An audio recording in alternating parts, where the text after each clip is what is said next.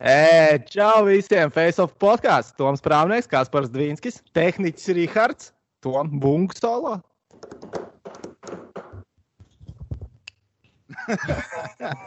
Ir tradīcijas, turpinam. Ļoti labi. Tātad mēs joprojām esam kopā ar mūsu čomiņiem no Betseif. Un, nu, cik tā mēs te varam vārīties ar to divu tā savā starpā? Tehnicis Rihards mums te iemet pa visas pareizās, precīzās piezīmes ik pa laikam, bet uh, mēs sākam aicināt viesus joprojām attālināt. Un, nu, šoreiz mums ir nu, smagsvars, es teiktu, Latvijas hokeja Rīgas Dināmo. Pēdējo gadu komandas galvenais treneris un ģenerālmenedžers Girts Ankipāns. Čau, Girt! Čau, sveiki! Paldies par, par komplimentu, Maksvars. es jau skatījos, domāju, ko tur Kaspars tagad ved, bet atveda visu pareizi. Nu, klausies, nu šodien mēs uh, iziesim daudz visādām lietām cauri, bet uh, drusciņi arī gribam uz tevi paskatīties no citas skatu punkta, kā droši vien ir cilvēki skatījušies pēdējos gados. Ja nu, tomēr atverot vaļā internetā to, kur tu esi spēlējis, ko tu esi darījis, tad tur ir nu, šī tādi saraksti milzīgi visādi. Ir gan ar komandām, līgām. Un, Eh, ticam, ka tur arī stāsti droši vien ir, eh, ir interesanti aizķēršies. Tā kā gatavojieties, klausīties, un, un tu gatavojies runāt. Jo es jau šo to jau uzmetu uz papīra, lai saprastu, ko mēs gribam izrunāt šodien. Un viens no jautājumiem, kas ir pats pirmais, domāju, sākam uzreiz ar jautājumiem. Ja? Labi, labi, sāksim. Garantēs karantīnas jautājumu. Ja? Izlaižam to, ko tu dari brīvajā laikā, un ķeramies pie cēsu vendiniekiem. Uzreiz pat taisno, ja? es domāju, uzreiz pat taisno pie cēsu vendiniekiem, jo es pirmo reizi mūžā tādu komandu dzirdu. Es skatos, ka tu esi tādā spēlē. O jā, tas bija tālu, baigs sen, jā. Klausies, tur, tur jāstāsta pat, pat plašāk. Tas nāk ar to, kad uh, te bija tie laiki pēc, pēc teiksim, Latvijas neatkarības atjaunošanas laiki. Ja? Un tā sports pols sabruka un, un, un, un daudz spēlētāju, kas bija samērā kvalificēti spēlētāji, palika teiksim, bez, bez, bez iespējām trenēties. Un tie čaļi, kas bija no cēsīm, ja, tie čaļi, kas bija no cēsīm, tur bija diezgan daudz. Tagad, uh, Pagaid, bet tu neesi no cēsīm. Es nē, bet tur bija vesela plakāta no cēsīm. Es tagad negribu samalot, kurš precīzi tur bija no cēsīm, ja? bet viņi izveidoja komandu. Tur bija Gins Bikars, Valds Briedis, tāds puikas, šitais te, kā viņu sauc, Māris Saukāns bija arī cēsinieks, man liekas, uzņēmējs, būvu, būvu, būvu uzņēmējs, ja? Arī spēlē hokeju. Mārcis Balods, Balods, Agrs Balods. Ja? Un viņi visi izveidoja to CS komandu. Nu, viņi laikam bija čomi. Ja? Un otru daļu veidoja tie, kas netika junioru komandā pārdaugos. Ja, viena daļa tur bija. Es biju, Astašenko bija, Žaltkovskis tādu. Nu, mēs bijām jauni puikas, ja, un tad mēs tur spēlējām čempionātā. Tas bija Latvijas čempionāts. Nu, Teiksim, tā samērā sakarīgs. Tur bija ļoti daudz. Tur bija tajā gadā, ja es atceros, tāds Latvijas zelta komanda. Zinat, pa ko runa? Turpiniet. Nepateiksim, turpin, turpin. Tas, tas bija mūsu Latvijas hokeja leģendas zelta. Tur spēlēja gan Balders, un Semeraks un Balmāsovs. Nu, tādi tā, vēl vecāki hokejas. Tā kā eh, bija diezgan interesants čempions. Tur bija ķekava Visādi nosaukumi tur bija. Tajā laikā jau nu, tas eh, laikam sanāk pirmais Latvijas čempionāts hokeja, kas ir rīkots. Jā. Eh, par hokeju maksāja cēlus vendiniekos. Oh, ja tu man pateiksi, tā nemaz neatceros. Nākošā gadā gan to es zinu, maksāja. Tas bija tā ogres esamika komanda, tur, tur, tur, tur mums maksāja. Jā, bet cēlus vendiniekos, es saku, mēs bijām pamat, mūsu pamat. Uh, Darbs bija pārdaugos hokeja komandā, pārdaugos junior hokeja komandā. Ja? Pie treneru Linkēviča, un tur bija tāds sarežģīts periods, ja, un uh, tur pamatgads bija 73. gada dzimušie čaļi, un, un, un, un tā tam piektajam gadam bija samērā sarežģīti tik komandā. Un tad mūs sūtīja spēlēt, teiksim tā, deva iespēju spēlēt kaut kur, lai mēs tiktu pie spēlēšanas, un tā mēs nokļuvām cēsu, cēsu vendiniekos. Nu. Normāla komanda. Klausies, bet uh, cik tev gadu tad sanāk? Tas bija 90. sākums, Vendenieks bija vēl zemu 18 vecuma, vai ne? Jā, 91. gads, nu, kas tas bija, tad 16 gadi, jā, 17. Tu kaut ko paralēli vēl bez hokeja arī trenējies. Nu, kaut kur bērnu gados līdz 11 gadiem, vai tikai hokejs bijis? Mm -hmm. Nē, līdz hokejam es nokļuvu. Zinu, kā laikam visi tā laika bērni. Mēs trenējāmies daudz un dažādos sporta veidos. Ja? Man bija gan basketbols, gan uh, nedaudz tenis. Arī Baldonas ielā mēs trenējāmies tenisā. Un no hokeja es vispār nokļuvu no skolas sola un tipiskā tādā pasaku stilā, kad ienāk fiziskultūras skolotājs un prasa, kurš grib uz hokeju, un es paceļu roku, un vecāki bija šokā. Es dzīvoju Imantā, treniņi Daugavas stadionā, un es ešu no rīta. Nu, nācās pamest visus iepriekšējos sporta veidus, ko es pirms tam nodarbojos, un, un, un devos hokeju. Es Es izteikšu minējumu, ka tajos 80. Eh, gadu otrajā pusē, nu, kad tev ir 12, 11, 13 gadi, tu trenējies hokeja, nu droši vien tas lielais sapnis ir Rīgas Dienāmo komanda, vai ne? Jā, jā vai NHL bija kaut kur sapnis? Nebija, ne? NHL bija televizorā, šeit tad viņas redzēja, vispār zināja, ko, kas tāds vispār ir. Ja, kad mūsu komanda tikās ar kanādiešiem, bija tās kas tās bija pa spēlēm. Nu, nevar teikt, viņas bija draudzības spēles, jo viņas bija niknas diezgan, ja teiksim, tās bija principiāls. Rīgas nāmo brauc uz Kanādu, uz Ameriku spēlēt, un, un tad uz šeit arī brauc, teiksim, kas atceros Vašingtonu un Monreāli, nemaldos, bija Rīgā. Un um, par to mēs daudz nezinājām. Zinām, ka ir kanādieši spēlē bez ķiverēm, ja tik daudz mēs zinājām, bet, bet informācija bija gaužām maz. Ja. Tā kā loģiski visiem bija sapnis Dienāmo, bet Dienāmo bija ļoti augsts un neaizsniedzams. Tas bija. Tomēr, ja tā mēs pavaram atpakaļ, tas bija NHL līmenis. Ja? Tas bija NHL komandas līmenis, jo viņi spēlēja bez, bez, bez, bez, teiksim, tā, bez, bez problēmām ar visām NHL komandām vienlīdzīgi. Ja? Šādi tad vinnēja, šādi tad zaudēja, bet nu, spēles līmenis bija vienāds. Principā tā piramīda jau bija ļoti stipra, ja, un, un viņi bija tāda barga, teiksim tā, ja, un uh, tur bija arī otrā komanda, jūs varbūt atceraties vai esat informēti, tāda Rasmussen Ergo bija komanda, ja, kur spēlēja otrā līgā, un tā bija Rīgas augstākās meistarības skola, ja, teiksim, es visus burtus salieku pārtulko. Nu, tā, tā, tas jau bija pirmais filtrs, ja, teiksim, pirms Dinamo. Ja, pirms tam bija vesels divas piramīdas, uh, Dienāmo sporta skolu un bērnu skolu, kur pēc tam kaut kādā vecumā junioru saveda visus kopā labākos, un, un, un tā, tā mūs tur atsijāja pa lēnām garām. Tā kā līdz Dienāmo, lai tikt, es domāju, bija sarežģītāk nekā tagad uh, tikt nosacīti izlasē vai kaut kur NHL komandā. Jo, tā, bija viena, tā bija viena iespēja. Tā bija viena iespēja, tas bija Dienāmo un, un, un sijāja mūs pamatīgi. Bet, klausies, uh, Dienāmo 90. gadi viņi pazuda, un uh, pēc tam tālāk. Tu teici, ogres esamīgs, tur jau kaut kāda nauda parādās. Kas pēc tam notiek galvā? Darīt. Ties ārzemēm, kas ir tas stāsts, ko sasniegt? Jā, jo es arī iedomājos, nu, sabrūk padomju savienība, sabrūk uzreiz arī tā hokeja piramīda, par kuru tu tikko stāstīji. Un tad tādam jaunam hokeistam kā tev, vai vispār ir domas, hei, kas notiks, kuras varu spēlēt, un vai tam vispār ir kāda jēga? Zinu, tajā laikā baigi daudz nedomāju par to. Spēlē, darīju to, kas patīk, principā. Ja? Un liels plāns jau tu nekali, jo mums tiešām nebija informācijas, kas notiek apkārt. Mēs zinājām, ka ir kaut kādas līgas, un ne pa mums arī baigi interesējās no ārzemēm, teiksim, ar tiem pašiem draftiem. Ja? Es domāju, ka būtu šīs dienas situācija, mums būtu ļoti daudz spēlētāju notraftēti. Ja? tajā laikā, bet par cik arī es domāju, tie paši skauti netika līdz, līdz mums. Un, un, un, un, un teiksim, mēs bijām tāda noslēgta valsts šajā jautājumā. Nu, jā, nē, te, es domāju, ka tas bija vairāk vai mazāk. Tas, ka tev patīk tas hokejs un spēlējām, un bija cilvēki, kas to visu turēja. Tas bija tāds arī entuziasma laiks. Ja mēs ņemam, ja veču, mēs ņemam to laiku Latvijas neatkarība tas bija, nu, valsts, tas bija kas, o, tu līdz dzīvosim, ja, un tā arī, tā tas viss turējās. Bija daudz cilvēku, kas, uh, tas Latvijas čempionāts pēc tam bija diezgan foršs. Tur bija daudz cilvēku, kas deva naudu, ja, un, principā, Viņš izvērtās tāds pāris gadus, viņš bija ļoti labā līmenī.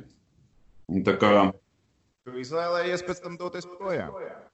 Jā, jā, nu, bez, bez šaubām, nu, pat lēnā garā tad arī, teiksim tā, mēs uztaustījām kaut ko, mūs sāka meklēt, eh, interesēties, kas mēs vispār esam tādi vispār, ja. Un, eh, jā, tas periods bija tāds, ka kur, kurais devās, nu, mēs saks, tas, tas, tā, tā, teiksim, tā vecuma čaļi, mēs tur devāmies, eh, kur, kur, kur, kurais, ja, kurš devās uz Ameriku iekarot, kurš devās nosacīt, tā kā es uz Vāciju, kurš daudz, daudz virzienu bija, kur, kur, kur devāmies cīnīties par savu, teiksim, eksistenci un daudz arī izcīnīt to vietu. Ja. Klausies, bet pirmā ārzemju darba vieta tev bija Norvēģija. Mm. Kā tu tur nonāci? Pastāstiet, stāst, jo Norvēģija nebija loģiski ceļš. Nē, nu, loģiski tas nebija, bet uh, tajā laikā tās, tās summas, kas tur tika maksātas, bija nu, ļoti, ļoti iespaidīgas salīdzinoši ar to, ko, ko uz, viet, uz vietas Latvijā varēja nopelnīt. Kāda bija tie cipari? es, atceros, nu, bet tas ir nesamērīgi. Viss ir audzis agrāk uh, nekustamais īpašums maksāja daudz lētāk nekā tagad. Nu, salīdzīt tos gadus, kad aizbrauc projām, ko pelnīja Latvijā, ko nopelnīja Norvēģijā, ko turēja nopirkt Latvijā par to naudu. Nu, tīri salīdzināt, nezinu, cik kvadrātmetrus dzīvokļa vai, vai zemi, nezinu. Nu, nē, nu, dzīvokli varēja nopirkt, jā. Bet, bet Nu, es tā es tagad neatceros precīzi. Jau. To es vairāk atceros jau Vācijā, Norvēģijā. Mēs bijām pavisam īsu laiku. Es biju kopā ar tagadējo eh, tehnisko direktoru Dienāmo eh, Hromčenko. Mēs bijām Norvēģijā. Mēs spēlējām pirms tam kopā Esamikā. Un eh, mēs bijām neilgu laiku, tur mēs bijām divus mēnešus, jo tur, tur kaut kas līgumiem. Ne. Es tā vēl joprojām nesu sapratis. Mums kaut kāds līgums izraka. Uh, ka mēs esam piesaistīti tai ogres komandai, mums bija jāatgriežas atpakaļ. Nu. Tā mēs atgriezāmies atpakaļ, bet ātri aizbraucām atkal projām. Un, nu, tā, es, es arī beigās īsti nesapratu, un beigās neviens, man liekas, nesaprata. Bet Tas, jūs kāds, nu, jūs kāds vilka atpakaļ uz Latviju, vai tā bija Norvēģa puse, kas teica, ziniet, Džeki, jums te papīri īsti nav kārtībā, mēs nevaram, diemžēl, turpināt? Nē, nē, vilka atpakaļ mums. Tur. Tā kā, nu, tā, tā ir kā mēs būtu pārkāpuši. Atrast kaut kādu punktu, kad, kad nu, bija beztermiņa līgums kaut kas tāds bija iepīts iekšā. Bet, nu, beig, beigās mēs to atrisinājām un aizbraucām atkal katrs savu pusi. Es vispār pirmo, pa pirmo klubu, tādu konkrētu pirmo klubu ārzemēs skaitu vācu klubu, kurā es aizbraucu. Tie bija tādi, tas bija, tie bija pirmie iespējas. Par, par, par. Nu, tad uzreiz par tiem pirmiem iespējām Vācijas hokeja klausies. Vācijā es izdzīvojies pa otro, trešo līgu statistika 2000. gadā 141,50 spēlēs. Absolūts kosmos vienkārši. Kas tas ir? Ir par savu pirmo sezonu, ko tu atceries, un kā tu gatavojies spēlē.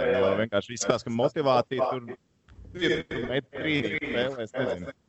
Nu, tas bija jau vēlāk, tiem punktiem. Bet pirmais gads, nu, tas jau bija. Tad man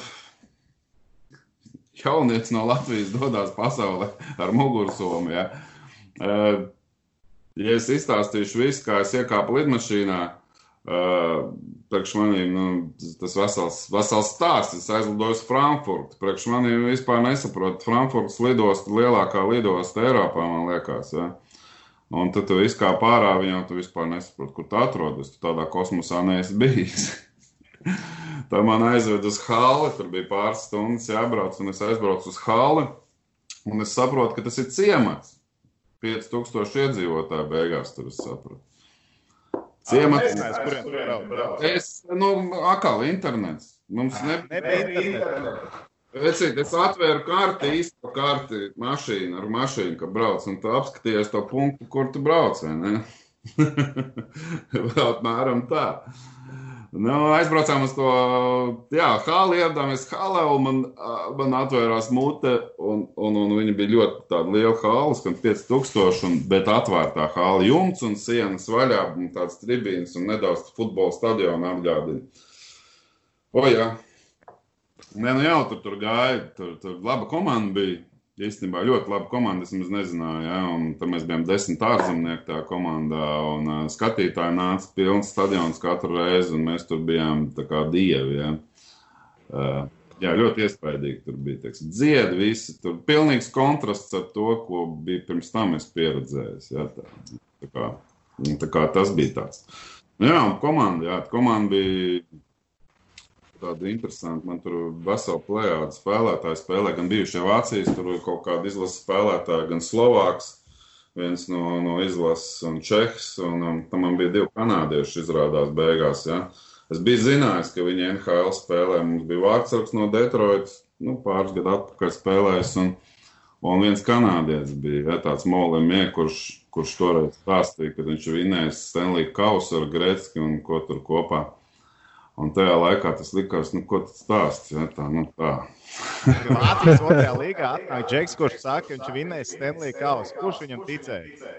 Nē, nu, tur bija daudz, daudz spēlētāju. Nu, saprot, tajā līgā toreiz spēlēja Roļaks, Znāroks, tur visi tie dināmo vecā plējādi ar Čudīnovs un e, Kerčs un kas tur nebija. Ja? Tā kā bija daudz kanādiešu ar NHL pieredzi. Bija daudz. Un, un toreiz tas čāls tiešām, nu, es paskatījos tagad, e, ne, nu, gatavos Indra paskatījos. Viņš nospēlēs ap 400 spēlēm ar NHL un puspunktu spēlē, un tiešām viņš vinēs 86. gadā Stanley Kausu. tas arī ir Lemējs, jā. Morijs, Molemievičs, Morijs. Jā, jā. Normāli. Tā ar atradiņu. Tiešām Stanley Kausu izcīnījis. Ej, tu no. Spēlē ar viņu kopā, sanāk, Vācijas otrajā līgā. Saprot, tajā laikā tam Stanley Kausam jau nebija tāda vērtība kā tā tagad, ja? Ja mēs, tas bija 97. gads, ja, nu, Stanley Kaus, Stanley Kaus, nu, kas tur notiek, mēs īsti tā nezinām. Zinām, ka tur playoff Un, un, un tā, tā, tāda informācija mums ir, bet, bet, bet, bet baigi jau mēs nefanām. Mēs sākām, es domāju, Latvijā vispār tā NHL aizrāvās, tad, kad mūsu puikas tur parādījās. Ja? Kad viņi tika plēsoņā, ka Sandrs spēlē šarkiem, ja, ar Anaheim. Ar Anaheim. Jā, tad tur viss dzīvoja līdzi, man liekas, naktīm negulēja. Un ir, kas spēlē ar Karolīnu. Tad, tad visi ļoti sekoja. Es atceros, ka ārā nebija pieejama informācija. Naktīs Tur no rīta celies un zvani jūsu kolēģim Matulim uz, uz, uz, uz šito te uz avīzi, vai tu nezini, vai tu nezini rezultātu. Jā, tā kā, nu, atkal, mēs dzīvojam citā informācijas pasaulē. Vēl par to Vāciju un tavu pirmo pieredzi. Tur tu teici, ka tā pilsēta, nu, principā beigās bija ciemats, 5000 iedzīvotāji, bet hāle liela, interesanta, pilna. Tad es pieņemu piekdienas vakarā, ja izgāja ārā iedzert tāliņu, pašam nebija jāpērk. Vienmēr atradās kāds, kas uh, tevi zināja un teica, ģir tāliņš uz mani. Jā, jā. Nu, nu, tas tur tāds pilnīgs kontrasts bija. Tur loģiski, tur bija vietēji, teiksim, mums bija, es nezinu, kāds bija sadalīts, bet mums bija tā kā sponsori, ne sponsori. Mums, man, man bija un vēl kaut kādiem cilvēkiem, diviem, trijiem spētēm bija tā kā grieķu restorāns kaut ko, un mēs tur gājām ēst, tur, nu, tā kaut kā, tur, nu, viss tā diezgan ģimeniski draudzīgi viss bija, ja. Nu, loģiski, spēles bija piekdienās, svētdienās, tā kā jautājumu nebija. Tur, tur, Vācija, tas bija piekdienas, svētdienas spēles, pirmdien brīvs, otrdien treniņš, un tāds saucamais kabīne fest viņiem bija. Ka, kabīne ir ģērbtuve, ja, un ģērbtuves fests, un tad tur pēc otrdienas vakarā bija kā grillēšana, un, un, un tur kaut kas vēl aliņš tur kaut kur. Tā kā es nezinu, es domāju, es esmu ar Reķu runājis, nu vēl šādi tad viņiem tā, kādā klubā tas viss vēl saglabājas, bet tas bija visos klubos tradīcija. Ja? Nu, un trešdien, ceturtdien trenējās, piekdien, svētdien atkal spēlē. Klausies, kā HL arī nevajag konkrētās dienās spēles organizēt, un arī visu pēc šīm vecajām labajām vācu tradīcijām uztaisīt, izklausījās pēc leipatības jā, jā, jā, to maizai KHL vadībai pasaka. Mēs pēc vecajām labajām vācu tradīcijām kaut ko gribam. Nē, ļoti, protams, nu, tas ir ļoti ērti. Tas ir, protams, ļoti ērti, ka tu, tev, tev ir saplānots laiks un tā tālāk. Un, un, un, un daudz, daudz. Nu, nu jā, ne, nu KHL cita geogrāfija. Tur mēs nevaram neko izdarīt. Grilu pārtīs, tas jau izklausās pārāk skaisti, lai būtu taisnība. Labi, klausies, pastāsti vēl ko par to Vācijas laiku. Labi, pirmā komanda tev bija, kā viņa saucās, Braun Lager, laikam. Jā, jā, Braun Lager, Hertz, Hertz Kalni, jā, tā, nu. Mm. Tas tā kā pagas kalniem kaut kur ir lejā, kaut kur Vācijā. Nē, nē, nē tie nav lejā, tie ir Vācijas vidienē, ziemeļ, raktis, ziem, nu, Braunšveiga, Hanovera, ja tajā tur Kasela, ja tur, teiksim. Vidutīt vairāk, jā. Jā, un tur ir tādi kalni, Herz kalni, jā, un, un tur tā, nu, nav viņi sevišķi populāri, noteikti, kā kurorti, bet, nu, viņi tur ir, un mēs, nu, tur bija komandiņi, jā. Nu, Tā, forši tur bija. Forši bija negaidīt, forši pēc tā, kā es tur ierados. Ja? Man tiešām foršs kolektīvs bija ļoti, teiksim, internacionāls. Tur bija vācieši. Vāciešiem bija problēmas Vācijā. Bija ļoti daudz ārzemnieku. Tur vēl vienu uzreiz, kamēr es izsties, mums bija Vācijā viena komanda, kur mums laikam bija, mēs bijām visi ārzemnieki. Tur bija kā 3-4. Uh, 3-4 vācieši, un te viņi vienu dienu bija iekāruši savu stūrītī vācu karogu. ģērbtuvē. Kā minoritātes, jā. jā. Klausies, bet tu tajā Vācijas posmā, tu tur sākumā bija Vācijas otrā līga, bet man, es teiksim, ejot cauri tai statistikai un sezonām.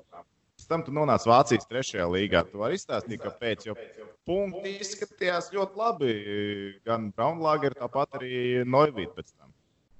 Uh, nu, Tur, tur dažādi momenti. Ja? Tur, piemēram, Vācijā tajā pirmajā gadā viņš bija fantastisks. Ja? Mēs vinējām to ziemeļu reģionu otrās līgas, ja uzreiz ar medaļu atbrauc mājā tādu īsto vācu. Tādu. Uh, otrā gadā, jā, tajā Noivīdā, Noivīda bankrotēja. Noivīda bankrotēja. Un, un, un tiksim, tā tas viss ir uzkārās. Jā. Tad pēdējā, nu, tad kā vasarā bija līgums, un viņi bankrotēja, un tad nācās meklēt no jauna to visu. Un tā, tā tas viss risinājās. Nu, nu, tur liels starpības nebija. Teiksim, protams, finanses vienmēr izteica to visu. Nu, liels starpības nebija ārzemniekiem. Maksāja nu, gandrīz vienādi tajā un tajā līgā. Bija varbūt tev opcijas kaut kādam uh, citam ceļam, reālam, jo daudziem taviem laika biedriem ir mēģinājums uh, kaut kāds pieraksts Ziemeļamerikā, kaut kādā līgā. Viņi tur ir mēģinājuši nu, kaut vai vienu gadu. Ja skatās uh, tavā CV, tu līdz Ziemeļamerikai tā arī neesi ticis vai mēģinājis tikt, vai bija varianti, vai pašam varbūt nemaz negribējās tā īsti. Nu, es biju. Es biju, es būtu izstāstījuši. Nē, nu, tas vispār bija, nu, es bija arī iespējas. Mēs, uh, kurā gadā es tiek neatceros, mēs vinējām Austrumā Eiropas līgu. Un uh, bija iespēja braukt uz Krieviju, uh, spēlēt. Ja? Bet tajā laikā atšķirība Vācijā maksāja vairāk, godīgi teikšu. Ja? Un tā izpratne nebija tik saprotama. Superlīga vai tur Vācijas otrā līga. Daudz domāja par komfortu un tā tālāk. Ja? Nu, es izvēlējos to ceļu. Ja? Nu, es neko īsti nenožēloju. Kas ir ar Ameriku? Jā, tas arī man bija sapnis. Pirms tam bija devušies daudz čaļu. Ja? Mūsu, mūsu, teiksim, nevis gada, bet mūsu, teiksim, kompānijas draugu loku bija Tomans Janka, bija devies uz Ameriku. Ja? Laviņš bija devies uz Ameriku caur īstkostu skudra, ja?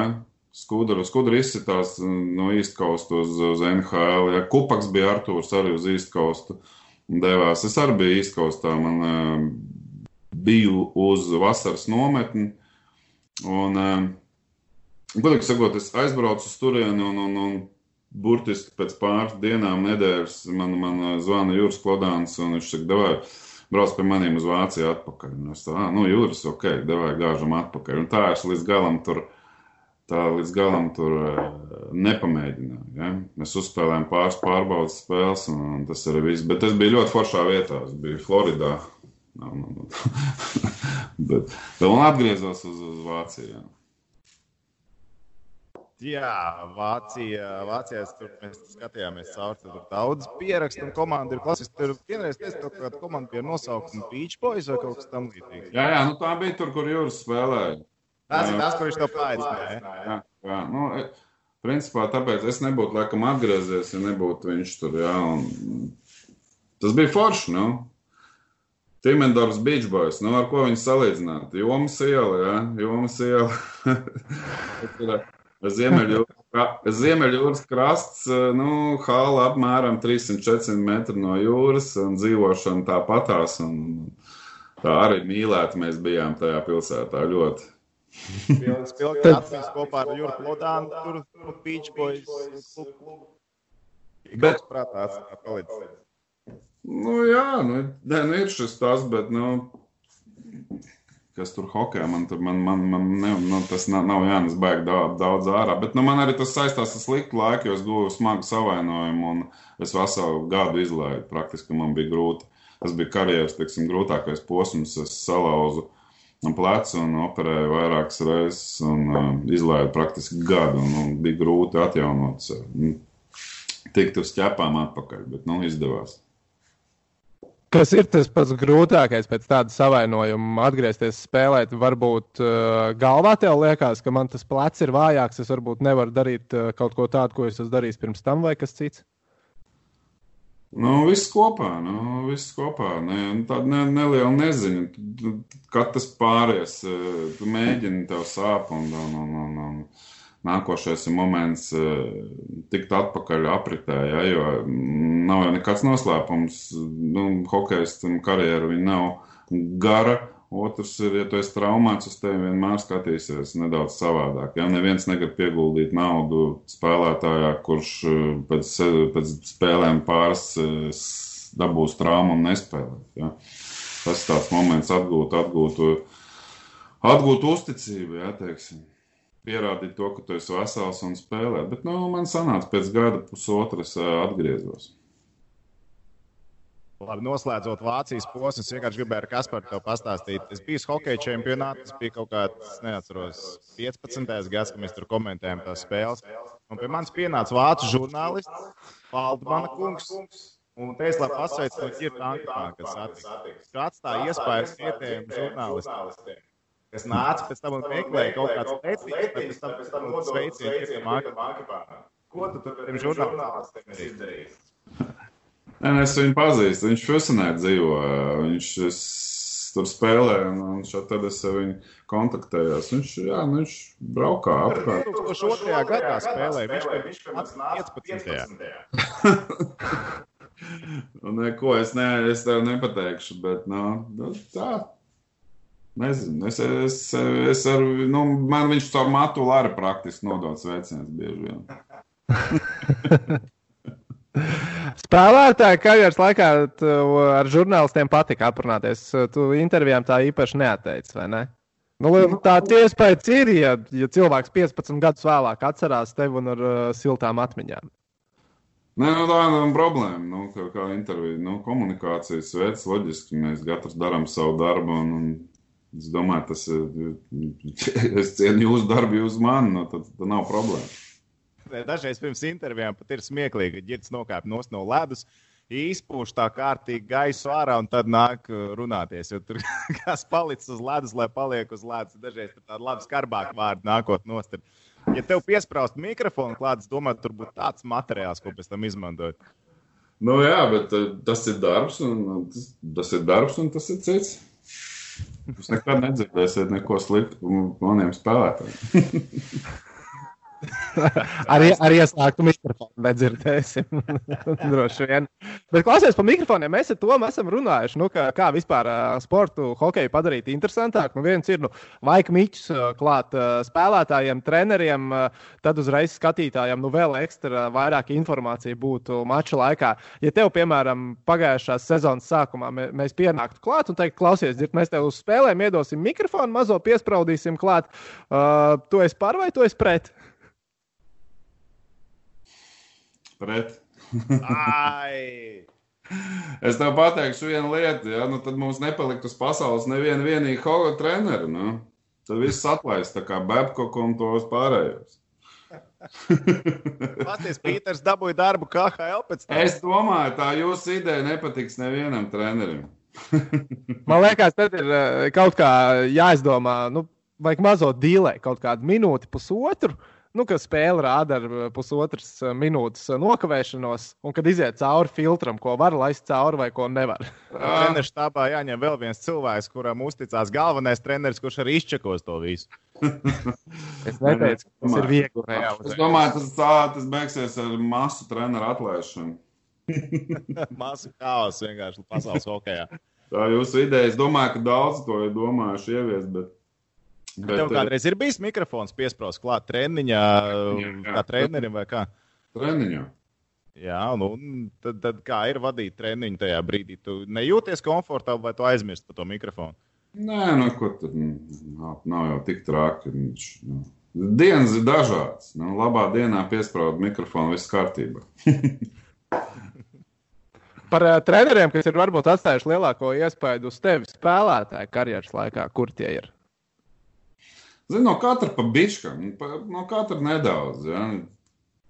Tu jau pats kā persona veidojies, veidojies ja, teiksim, kā treneris, bet jā, es teikšu, godīgi, jā, es jau spēlētāju teiksim, karjeras beigās novēroju trenerus, un, un, un es jau no viņiem daudz ko mēģināju ņemt un izprast, kas ir tā panākuma atslēga. Ja, bez šaubām, uh, Es jau pagājušajā teicu Tomam, ja, un, nu, svarīgi jau ir, lai tev tie meistari būtu komandā, un bez tiem tu nekur. Ja.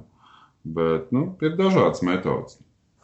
Loģiski spēlējot, es esmu sastapies ar daudziem labiem treneriem. Ja, teksim, nu, tas pats Kurts Lindstroms. Ja. Nu, ļoti interesants, ļoti interesants persona. Ļoti, ja. Šuplē. Viņš tev arī izlasē bija pirmais treneris, vai ne? Nu, lielākais. Jā, jā, jā, jā. Tas bija baigais tipāšs. Tas bija baigi interesants cilvēks. nu, klausies, kā tu vispār nonāci izlasē no Vācijas otrā, labi, Vācijas otrā līga bieži bija pārstāvēta Latvijas izlasē, bet vienkārši kā tu nonāci vispār ar Lindstrēm, kā tā komunikācija bija? Es nezinu, man, man uzaicināja uz, uz nometni pārbaudas turnīriem sezonas laikā arī es braucu, un beigās es tur nokļuvu. Es tur nokļuvu kā ekstra uzbrucējs. Es nebiju pamats sastāvs spēlētājs, bet nu, es spēlēju spēlēt dažas spēles. Un... Man grūti pateikt, nu, pirmā man bija pieredze tāda zviedru treneris. Viņš bija, protams, viņš bija, nu, uz to brīdi viņš bija top treneris, man liekas, Eiropā. Un viņš bija vinējis ar Somiju un Zviedriem pasaules čempionāts. Un, jā, viņš jau visiem mums tika galā kaut kā. Ja? Tur bija ļoti daudz tā vecā plējāda vēl, Dienāmo. Ja? Tur bija Kerčs, Fandors. Un, tāda vecuma cilvēku un līdz pat jaunākiem, ja, kas tur mēs bijām. Tur, tur, tur, tur. Nē, es tagad vairs pat neatceros, ja, bet, bet um, nu, viņš ir interesants. Nu, es varu pateikt no pirmā čempionāta spilgtākās atmiņas. Loģiski tas ir, tas ir hokejs. Mēs tur vinējām Baltkrievus un vinējām Krievus tajā gadā 2-1. Bet nu, visinteresantākais tas, ko viņš darīja, tas bija, viņš pirms izšķirošās spēles ar Baltkrieviem mūs visus aizved uz pedikīru. Mēs pēdikīri. Pēdikīri. Es nezinu, masāžu, tur kājas, kas tur, ko tur divās grupās braucām. Kā viņš to bija sarunājis tur uz vietas, es nezinu. Nu, un tad stāties priekšā, kad veca, vecais tas kalums sēž tajā pedikīri, tajā krāsā. Neapjāts, kas tur tagad notiks, griezīs kājas vai ko. Bet, nu, tā viņš mums tur, viņam patika zirga sacensības. Viņš mūs uz, uz zirga sacensībām veda. Un, tāds. un viņš, e, tas bija vispār, tad bija vēl robežas, nebija nekādas Eiropas Savienības. Ne, un, un, um, viņš bija Somijā dievs. Un mēs braucām uz pāri, ah, mēs uz čempionātu braucām. Un viņš pat pasi neatvēra muitā, viņš parādīja roku čau. Autoritāte trenerim cēlās tajā brīdī, ja visā komandā skatās, kas tas ir. Jā, jā. Nu, Tā, tāds interesants tips. Jā. Nu, tas ir viens no, varētu teikt, jā. Nu, bet ne, viņš bija tāds nu, neparasts priekš mums ļoti.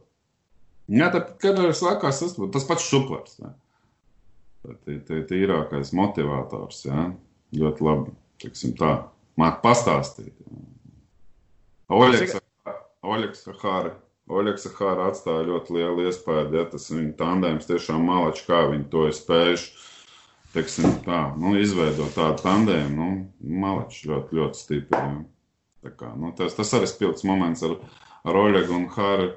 rēķini bija spilgtākie momenti izlasē 2009. gadā, jā, teiksim, mēs, mēs iekļuvām playoffā. playoffā un cīnījāmies ar kanādiešiem. Tur bija tāda laba komanda kanādiešiem. Mēs viņiem 2-4 zaudējām, bet nu, diezgan cienīgi. Diezgan cienīgi spēlējām. Nu, kāds vēl treneris var uzsvērt no karjeras? Nu, laikam tie ir tie tādi galvenākie. Ja? Nu, protams, visi treneri, kas ieguldīja tevī kaut ko bērnībā, es viņus visus ļoti labi atceros. Ja? Bisinieks, Baldonieks, uh, tas pats Beresņevs bez Kašnaus. Nu, būsim godīgi, mums tā hokeja skola, hokeja tradīcijas tās bija ļoti spēcīgas. Ja? Kā... Tu pieminēji arī, arī Juliju Šuplēru. Pirmā tikšanās tev ar viņu taču bija Rīga 2000, ne? Jā, jā, jā Rīga 2000. Jā.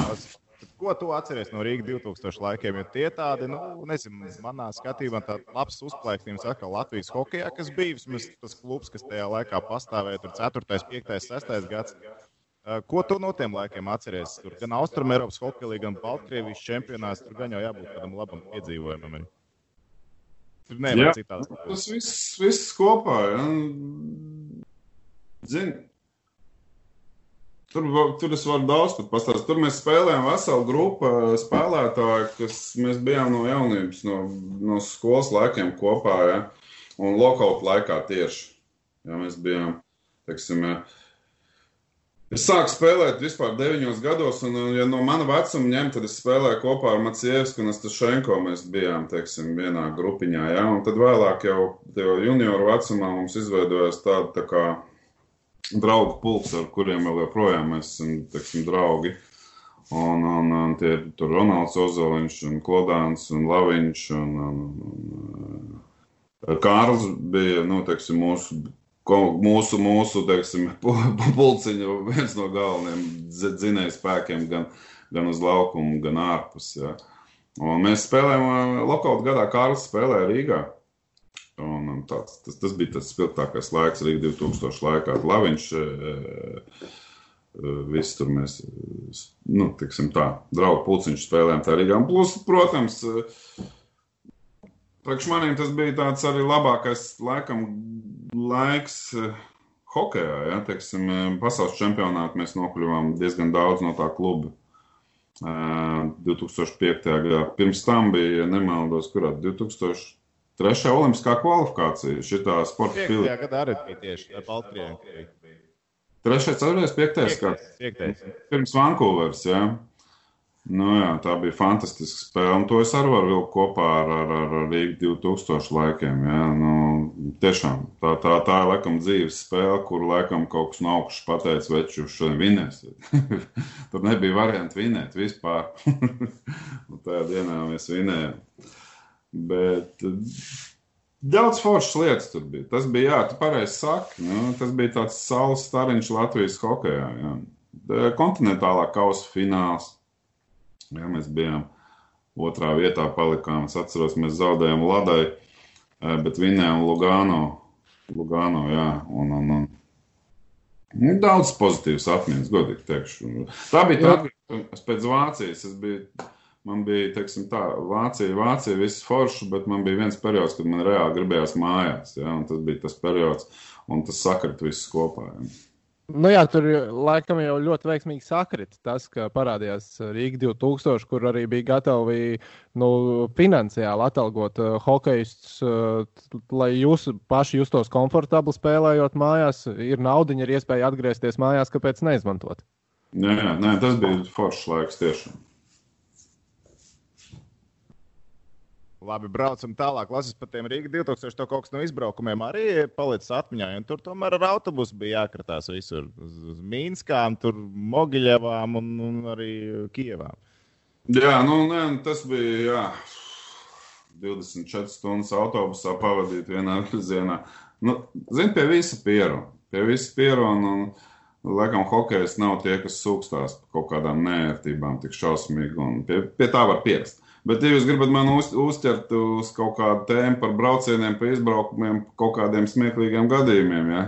Nu, bet, protams, ka mēs gribam. Mēs tur netiekam. Es, es, es jums izstāstīšu vienu tādu stāstu, kad tikai nesakiet, kad es viņu pats atcerēju. tā nav pasaka. Uh, respektīvi, tas bija uh, arī pēc, pēc, pēc Latvijas atjaunošanās kaut kāds periods, sākuma periods. Esam Ikogra komanda. Jā, sapratu, pagājušajā gadā mēs runājām, tu man prasīji par labākiem spēlētājiem, kādiem es, kad es spēlēju kopā. Toreiz tajā komandā spēlēja Helmuts Balders, kas priekš manīm bija, teiksim, tā kā priekš mūsdienu jauniešiem. Krosbijs, Malkins, Ovečkins, ja, un mēs spēlējām viņu kopā. Ja. Tas bija melnbaltajā televizorā, es viņu vēl skatījos un pārdzīvoju.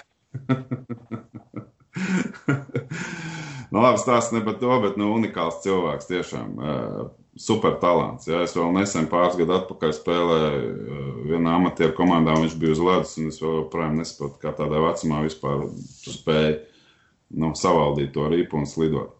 Bet labi, stāsts ne par to, stāsts par izbraukumu. Tad, tad mēs braucam ar komandu uz Dāniju, uz turnīru ar Esamiku. Tātad Balders, tur Repsis, Samoilovs, ļoti daudz spēlētāju, teiksim, pazīstam. Iekāpam lidmašīnā, viss tik tālu labi, aizlidojam uz Dāniju, izkāpjam Dānijā. Mūs sagaida cilvēks, cilvēks, kurš sagaida, viņš šokā. Viņš, viņš, viņš, viņš saka, klausieties, jūs, jūs esat pa daudz. Es izēju ārā, tur stāv reāli mazs busiņš, desmitvietīgs. Čai, tas nav hokejs, kur jūs atlidojat. Mēs jūs uzaicinājām uz bendīju turnīru.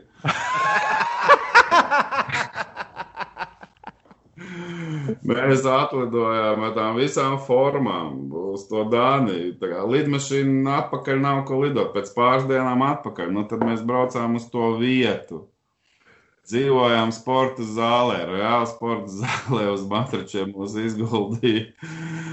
Un uh, paspēlējām fūzīti, kaut kur tā bendīja padauzījām savā starpā. Tas bendīja turnīrs tur ar kaut kur paralēli notika, tur kaut kas spēlēja. Tajā bendīja turnīrā jūs nespēlējāt, jā? Ja? Nu, nē, nē, nē. nē, nē. Tas priekš mums vispār bija pirmo reizi dzīvē. Tur redzēja zāli un to hokeju nulli un tā, tā bumba, tā kā, tā kā šito te snukaru bumbu jāspēlē. Tagad tas nāk pat ne bendīs, bet lauka Tas ir hokejs. lauka. Tas ir lauka hokejs. Jā. Neviens nerāvās spēlēt, negribēja izmēģināt. Jūs tur pat ne, Nu, nē, nu, padauzīt, jau mēs tur padauzījām kaut ko, bet nu, tas jau nebija priekš mums. Bet, nu, tas tāds atgadījums no dzīves, un tāpēc tam pāris dienām mēs braucām atpakaļ. Bet, nu, komanda bija laba, es saku, tur bija daudz cilvēku. Es gribu dzirdēt, kāda bija Helmuta Baldera reakcija, izkāpjot no lidmašīnas, ka viņš saprot, ka viņš ir uzaicināts uz bendīju turnīru. Nē, nu, tur, nu, jā, nu, tur bija Reps, vecais treneris un Gunārs Krastīņš. Un tad šie rāva zolīti, man liekas, visu laiku, vai ne? To visu, visu, Kurš visu. to braucienu sarunāja? Kurš bija galvenais runātājs? Man grūti pateikt, bet, nu, cik es saprotu, atnāca faks eh, mūsu teiksim, īpašniekam, tam tā laika komandas īpašniekam, atnāca faks uz oficiālu, no hokeja un hokeja. Es nezinu, kā tas viss tika tulkots. Un lauka hokeja tas sanāk, kā viņš tur sanāk. Tieši hockey. Un ledus Nu, viss, hokejs tad ir mēs jau braucām hokeju spēlēt. ļoti labi. Varēja būt ļoti laba pieredze beig beigās. Nu, jā, jā. Pirmssezonas turnīrs tas bija. Labi, braucam tālāk, uh, lai mēs līdz kaut kādam arī rezumē vēl nonākam. Nu, labi, tu pieminēji Šupleri iepriekš, kas man interesē, kā tu spēlēji pie Šuplera Rīgas 2000 un tu spēlēji pie Šuplera arī uh, Rīgas Dinamo. Viņus var salīdzināt kā atšķirīgus trenerus vienā vai otrā posmā, vai tas šūpis, kas bija Rīgas 2000, tas pats bija Rīgas Dinamo. Nu, es domāju, ka uh, viens un tas pats, principā. Nu, viņš ir treneris, motivators, teiksim tā. Ja? Nu, es nezinu, vai tas mūsdienās iet cauri, bet uh, tīri tīr motivācija. Tad, tad ir jābūt ļoti labai spēlētāju grupai, meistarīgai. Bet nu, man, man ar viņu spilgts atmiņas. Loģiski, viņš man deva teiksim, praktiski ceļu hokeja. Ja? Gan Rīgā 2000, gan Dienāmo viņš man teiksim, iedeva ļoti labu vietu komandā, ja? pie līderiem, principā, un atrada, teiksim, atrada man to vietu. Ja? Tā kā, nu, es pie viņa ļoti komfortabli jūtos eh, kā spēlētājs. Pilnīgi noteikti. Bet, bet, bet tādas krasas atšķirības es, es nejūtu. Viņš vienmēr bija tāds kaut kas tāds. tāds starp tēvu un treneru. Es pat viņu nevaru uztvert tā ļoti nopietni, teiksim, ka tas būtu stingrs treneris. Ja. Jo es, īsti, es esmu runājis ar uh, hokeistu, kurš spēlē pie uh, Šuplera sen, sen atpakaļ, labi, vārdus uzvārdus nesaukšu, bet uh, kurš teica, ka tajā laikā viņam likās, nu, ka Šuplers ir kā hokeja dievs, kad viņam viss tiek dots iekšā tas, kas ir vajadzīgs, bet paskatoties ar šīs dienas acīm, ka Šuplers ir tieši tā, viņš ir bijis motivators. Uh, Bet mm. spēles laikā kaut ko pamainīt, adaptēties, skatīties, ko pretinieks dara, nekas tāds uh, nav bijis. Ka liekas, ka mūsdienās Šupleram var būt grūti iet ar augstākā līmeņa hokeju. Tieši ar tādu stilu, kā viņš trenēja. Nē, nu, es nedomāju, ka tik tas ir šausmīgi. Ir tāda trenera arī mūsdienās. Ir, ir mūsdienās, un KHL arī ir. Un, uh, bet, bet uh, es es tā negribētu teikt, ka viņš tur nevadīja spēli. Mums bija, nu, kur mēs nokāvām pretinieku bieži vien uz kaut kādām taktiskām niansēm. Ja.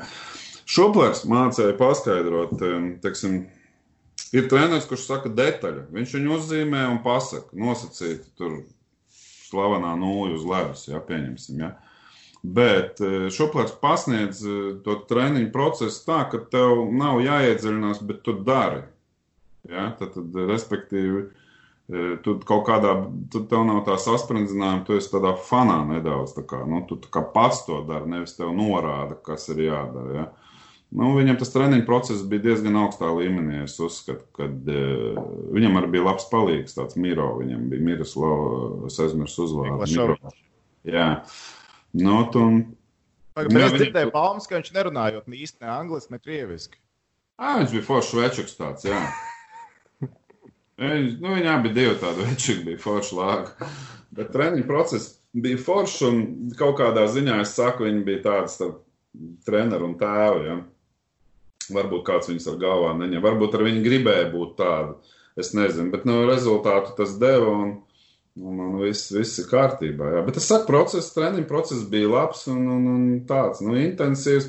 Šobrīd ļoti daudz spieda teiksim, viņš, uz, nu, viņš to zinātnisko pusi ņēma. Mums vienmēr bija puls, viņam bija svarīgi, lai mēs būtu precīzi, labā formā, nepārtraukti. Tika, nu, es saku, mēs visu laiku strādājām uz pulsiem, mums bija visu laiku pieejami. Tas bija tad jau, vēl arī 2000 laikos. Ja. Tā kā, nu, viss ņēma pienskābi, nu, asini, asini, ja, teiksim, lai mēs tur nebūtu pārslodzā vēl, vēl kaut ko. Tajā ziņā tas arī bija viņa trūms, ka viņa komanda bija vienmēr, teiksim, la, ar labu jaudu varēja strādāt, ja. Jā, viņš nekad nebija tāds, kurš schēmas, tur brauksim šitien vai tur, un, un, un nu, kā viņš teica, just play hockey. Viedi vārdi. Bet klausies, tad, kad es dzirdu vārdu Julius Šuplers, nāk atmiņā arī eh, numeroloģija un viss šis stāsts, ko visu laiku viņam tur vilkās līdzi. Kā tu to izjūti? Es, es neizjūtu to, bet es, es, es tam nepievērsu uzmanību. Es par to tā īsti nu, nezināju. Es tikai pēc tam uzzināju, ka viņš to numeroloģiju uh, nodarbojas kaut kādā veidā. Tad jau, kad tas numerologs, es saprotu, aizgāja citā saulē, citā pasaulē. Bet, uh, Bet, ja pagriežot atpakaļ, nu, kaut kas jau tur bija. Man grūti pateikt, kā viņš izvēlējās tos trīniekus. Kaut kā katrs tic tam, kam viņš tic. Ja, ja mēs pagriežam atpakaļ, nu, kas ir numeroloģija? Ja mēs tagad paņemam manu trīnieku, kur mēs spēlējam Hosu kopā ar Elisonu, ja, un es spēlēju kopā, mums kreklu numuru visiem bija dzimšanas gadi. Es nezinu, kā tas sakrit. Ja? Nu, varbūt tas arī kaut kādā veidā. man grūti pateikt, bet es tikai pēc tam to tā padomāju. Bet tas, tas numurs man izkrita. Eh, mans numurs, 75. Eh, numurs dāmā laikos, man izkrita tikai tāpēc, ka mans 9. numurs bija aizņemts pirms tam. Kā, nu. Kurš bija paņēmis 9. Krišs bija Redliks pirms tam. Ah, pareiz, jā. Tā arī viņš ar to devītnieku tur nospēlēja visu laiku, un neviens cits netika klāt. Jā, jā, jā. jā, jā.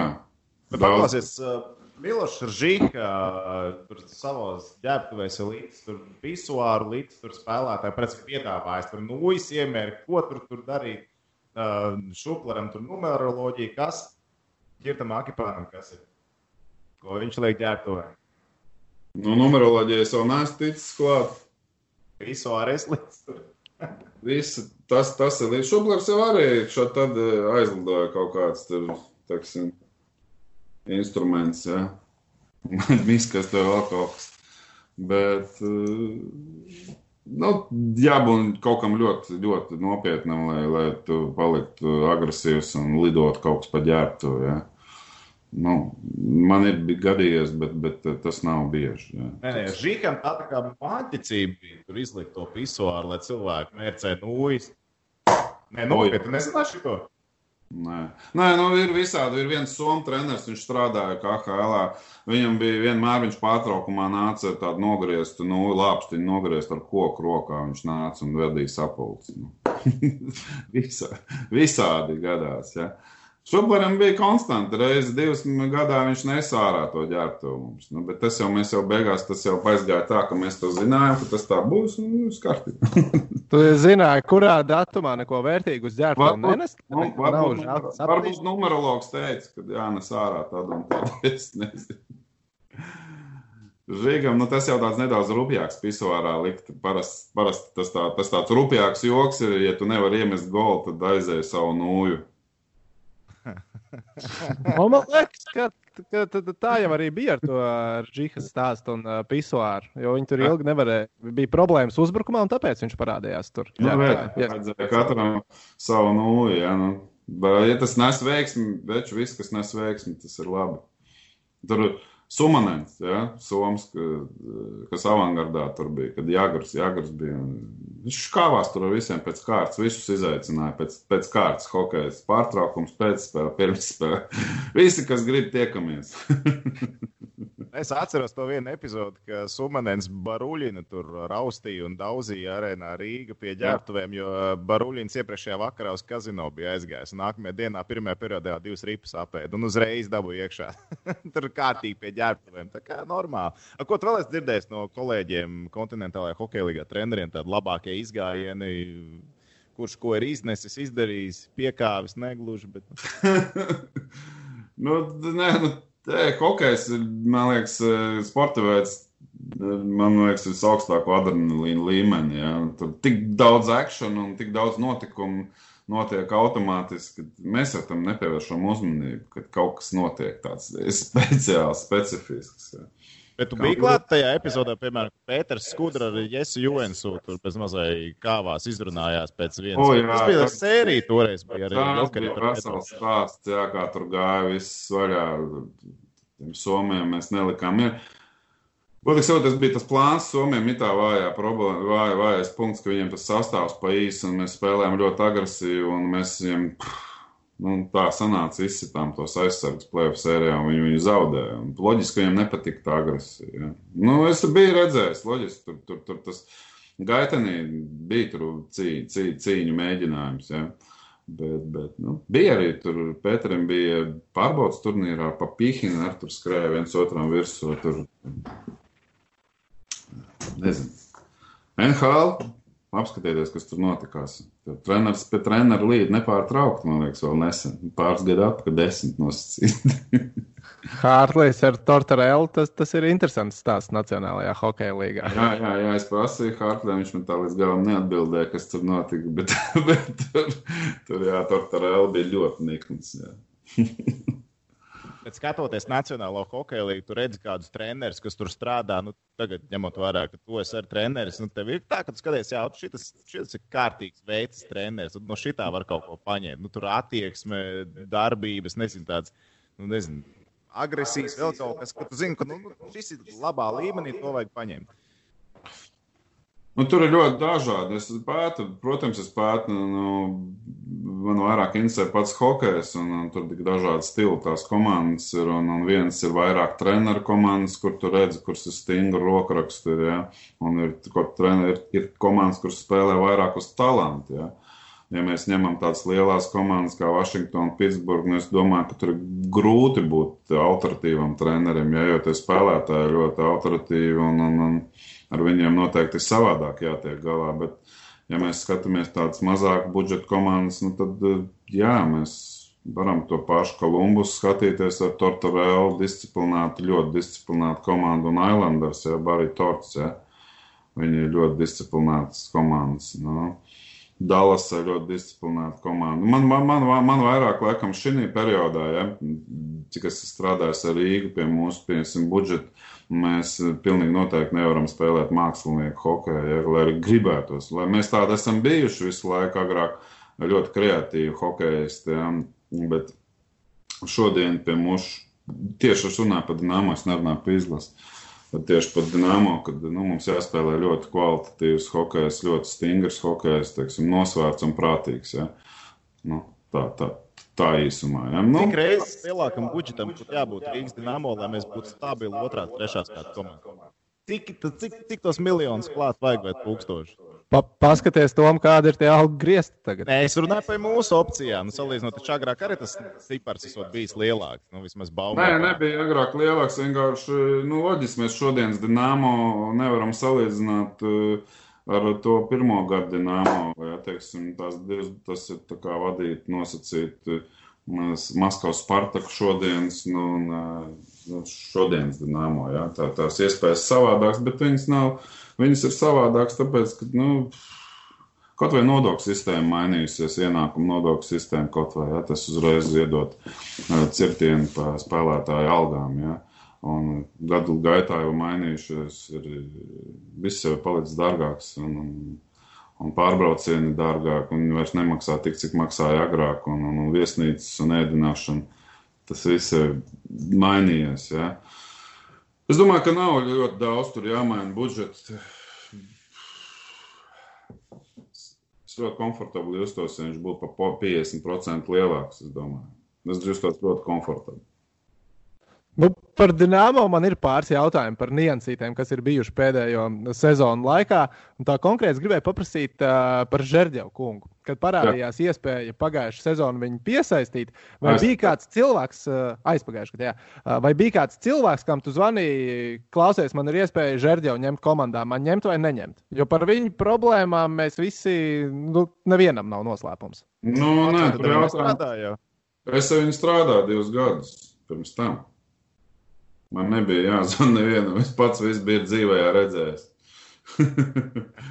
ļoti talantīgs hokejs. Eh, jā, viņa problēma ir skaidri zinām, bet, nu, saprot, ir tie momenti, nu, katrs nu, ar, ar šādu tipu cilvēku spēja saņemties. Jā, un tad tajos brīžos, kad viņš ir, kad viņš ir labā formā, viņš ir nu, augstākā pilotāža.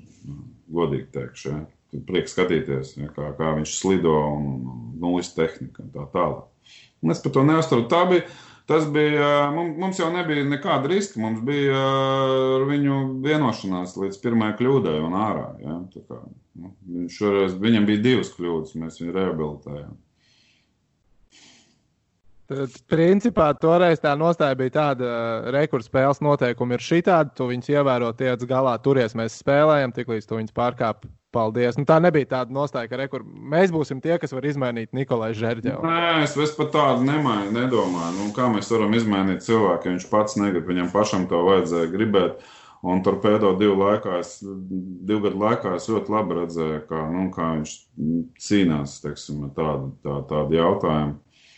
Bet es neko sliktu nevaru pateikt. Viņš ir normāls čels. Viņš pats par sevi kā persona ir labs, labs, labs komandas biedrs. Un, un, un, un tur jautājumu nav. Viņš ir Ovečkina Kovačuka līmeņa spēlētājs. Domāju, viņš jau tagad būtu tur spēlējis. Bet, nu, diemžēl, nu, tāds, tāds ir viņa izvēlētais liktenis. Kurs Es vēl par vasarām gribēju paprasīt, nu, ņemot vērā, ka tu kā ģenerālmenedžers un treneris uh, kopā nu, pastāst par to vasaru pēdējo, kas bija pirms šīs sezonas, uh, kas jau ir aizvadīta un noslēgusies KHL. Kad sākās spēlētāju savākšana, cik daudz tā komunikācija ar aģentiem? Vienkārši par to vasaru kopumā pastāstīt, cik, cik daudz laika aizgāja darbā, brīvajā laikā un Cik liela ir kāda tā teikšana, ka bija veidojot Veidojot ko sastāvu teikšanu, kas? Cik liela tev bija teikšana gal galā arī veidojot sastāvu? Tu biji visu par izdevumu, vai tev tur nāca no visām pusēm teica, nu, šito vajag, šito vajag, ček, šito ček vajag. Nē, nu es varu pastāstīt sistēmu, kā es darbojos visus tos gadus. Nu, man, man, man pirmkārt ir skautings liels, liels apjoms, kas tev jāveic. Piedāvāt, piedāvāt spēlētājs jau piedāvā. Liela daļa zinām, bet skautings, un ko es darīju visus tos gadus, es, mums video operators Pēters Grums, jā, grieza, teiksim, spēlētājs video, tad sagrieza pāris spēles, izgrieza, ja, viņa vainas. Un izsūtīja visiem pa mailiem, visiem maniem asistentiem. Uh, Un es vēl piesaistīju arī citus cilvēkus, ja, piemēram, ko viņi domā, nu, nosacīt no bijušajiem kolēģiem, ja, teiksim, Krievijā un tepat uz vietas eh, roļi un to pašu slaviņu. Nu, tad, tad, tad mēs, teiksim, tā, noskatījāmies visu, un tad eh, katrs izteica domas, nu, kā, ko viņš redz viņā. Bieži vien, nu kā, nu, tu, tu, tu kaut ko redzi vienu, ja, piemēram, es redzu to spētāju tā, un cits redz kaut kādu citu niansu, kur var, var izmantot. Ja? Nu, tā, kā, tā kā tas liels, eh, liels apjoms, ja skautings tas ir, nu, jā, to mēs izmantojam, eh, teiksim, ja, ja visos klubos, teiksim, stiprajos, lielajos, ja mēs nerunājam par NHL, tur ir vesels skautu, teiksim, saraksts, ja? tad šo darbu mēs paši veicām, un tā mēs viņus visus izanalizējot, un tad jau es viņus nesu augšā, ja, teiksim, parasti, nu, valdē, padomē mēs parasti pieņēmām, uh, gala lēmums. Bet e, būšu godīgs, nu, man, nekad, nu, teiksim, ne, neatteicis. Teiksim, ja es liku priekšā un argumentēju, tad arī mēs, mēs pieņēmām to spēlētāju, parakstījām. Ir bijusi varbūt otrādāka situācija, kad uh, tajā valdes sēdē uzspēlēt kāds vārds, uzvārds, kā potenciālais spēlētājs, kuru tu negribētu, un beigās tev tiek uzspiests, ka viņš būs komandā, jo ir citi cilvēki valdē, kas domā, ka tas ir Džeks, kas izvilks mūsu. Nu, nē, nē, nē, tā nav bijis. Tā nav bijis. Nē. Tas ir, tas ir tāds pietiekoši smalks process, un kādam pa viņu jāuzņemās ar atbildību. Ja. Labi, pirms šās iepriekšējās sezonas bija kāds spēlētājs, kuru tu biji noskatījis, it kā sarunājis, viss gāja ļoti labi, un beigās kāds lielais klubs noceļ viņu, beigās no deguna galva. Vai Vai bija tādi, un kuri tie bija, kā tas ietekmē tālāko darbu sastāvu? Šis labs jautājums, viņus var atbildēt, un tas, principā, ļoti smagi ietekmē sezonu. Ja, teiksim, pie mūsu budžeta nevis iespējams. Negribu visu, visu laiku kaut kā mūsu grib pielikt tajā rāmī, ka mēs esam mazi un ko mēs, mums ir diezgan liels budžets priekš tāds Latvijas komandas. Ja. Mums ir liels budžets, pasaka, lai man kāds pasaka, kurā sporta veidā vēl ir tāds, tāds budžets. Ja, teiksim. Nevienā. Latvijā nevienā. Jā, un līdz ar to nu, man tā bieži nav patīkami to dzirdēt, kad mēs esam mazi. Jā, mēs esam ierobežoti, bet, bet, bet nu, tas, tas nav mazs budžets. Mēs vārdu mašīnu gadījumā nevaram lietot. Uh, kas attiecās, nu, man šī budžetā man ir, teiksim, tā iepriekšējā gadā, uh, man izdevās piesaistīt spēlētājus, kuru tirgus cena uh, bija daudz augstāka nekā mēs viņus parakstījām. Ja, un, un tādā veidā es mākslīgi pacēlu budžetu. Ja, teiksim, ja. Tas pats Vidēls un beigās eh, Majona. Nu, un tagad, atgriežoties pie jautājuma, loģiski norāvās Biļālaus. Nu, tas bija smags trieciens. Jā, teiksim, ja, mums bija par, paredzēts, ka tandēms Gudļevskis Biļālaus. Tā komanda bija labi savākta vasarā, un es neko nebūtu mainījis, ja būtu Biļālaus. Ja, ja, Viņi spēlēja diezgan labi pārbaudas spēlēs, bija diezgan labā kondīcijā. Nu, un tad, kad gudrs pagura, ja pēc pirmām divām spēlēm, tad nebija kas paķer to, teiksim, stafetīti, ja. Ja pagājušā gadā mēs likām vienu vārtu sargu, otru vārtu sargu, un viņi abi divi cīnījās par to vietu vārtos un rādīja ļoti labu sniegumu. Tas bija tāds, nu, priekš maniem tas bija trieciens, jā. Bet Gudļevs Gudļevskim nebija gadījumā torpēdo variants jau principā gatavs kabatā vasaras laikā. Jo viņš pats mums teica, ka viņš ar torpēdo viņš bija parakstījis papīru, ka viņš brauc uz Nižniju Novgorodu, beigās tur kaut kas nobruka, viņš nezināja, kas nobruka un palika Rīgā. No, ko tur nesaprast? Tas ir vienkārši viņš ir ierobežotais aģents. Pirmās tiesības uz mums torpēdo bija iespējas pirkt viņu ārā, viņi to nedarīja. Bet, klausies, bet par to bija jālauz stāst vēl. Kas tur īsti sanāca? Sanāk, ka Čerepovets, Seversteļa vārds, kā viņu uh, sauc, ir tošajiem kaisargiem. Mainīt. Tas arī ietekmē to visu stāstu. Podjepoļskis, jā, tas ietekmē visu, ka viņš nepalika Kazaņā. Nu, kā likās jau arī pagājušā sezonā, droši, ka Timūrs paliek. Jā, es Timūru vairāk kārtīgi runāju vasarā. Viņš gribēja ļoti atpakaļ. Viņš bija priecīgs par to laiku, ko viņš tur pavadīja. Un, un, un kā, kā, kā, kā, es teikšu tā, ka tas bija nu, teiksim, labs pārsteigums ja, priekš mums.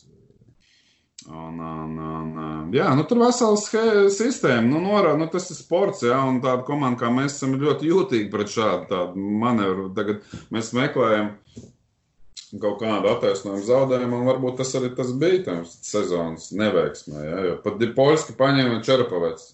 Neviens negaidīja, ka viņi iedos kvalifikāciju. Ja? Un diezgan augstu kvalifikāciju iedeva pat Polskim, kas bija Kazaņas spēlētājs, jo viņi pat Polski bija domājuši atstāt kā trešo vārdu.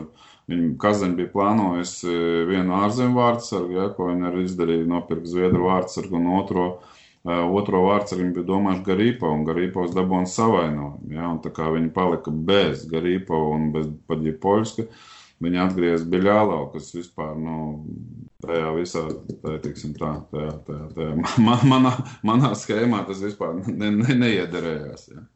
Kurā brīdī tu to saprati, ka Timurs nebūs? Bija... Zinu, līdz pēdējiem brīdim mums bija kontakts līdz pat dzelzceļa kausā vēl ka viņš atbrauc ar kazaņu dzelzceļa kausā un likās, ka viņš tūlīt pārvilks formu. Ja? Jā, jā, likās tā.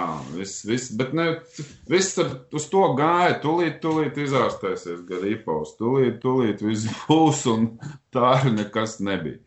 Jā, nu, jā. Bet, nē, nu, loģiski, te jā, būtu, būtu cits budžets. Es nebūtu, es nebūtu paļāvies uz to, bet, bet būtu iegādājies vienkārši līdzvērtīgu konkurentu Gudļevskim un, un būtu viss savādāk, bet eh, nu, šī gadījumā bija jārīkojas. Eh, es uzskatu, šitā, šitā šādi bija jārīkojas.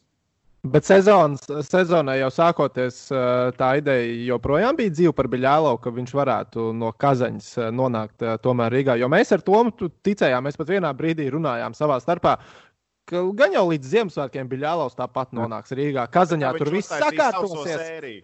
Nu, jā.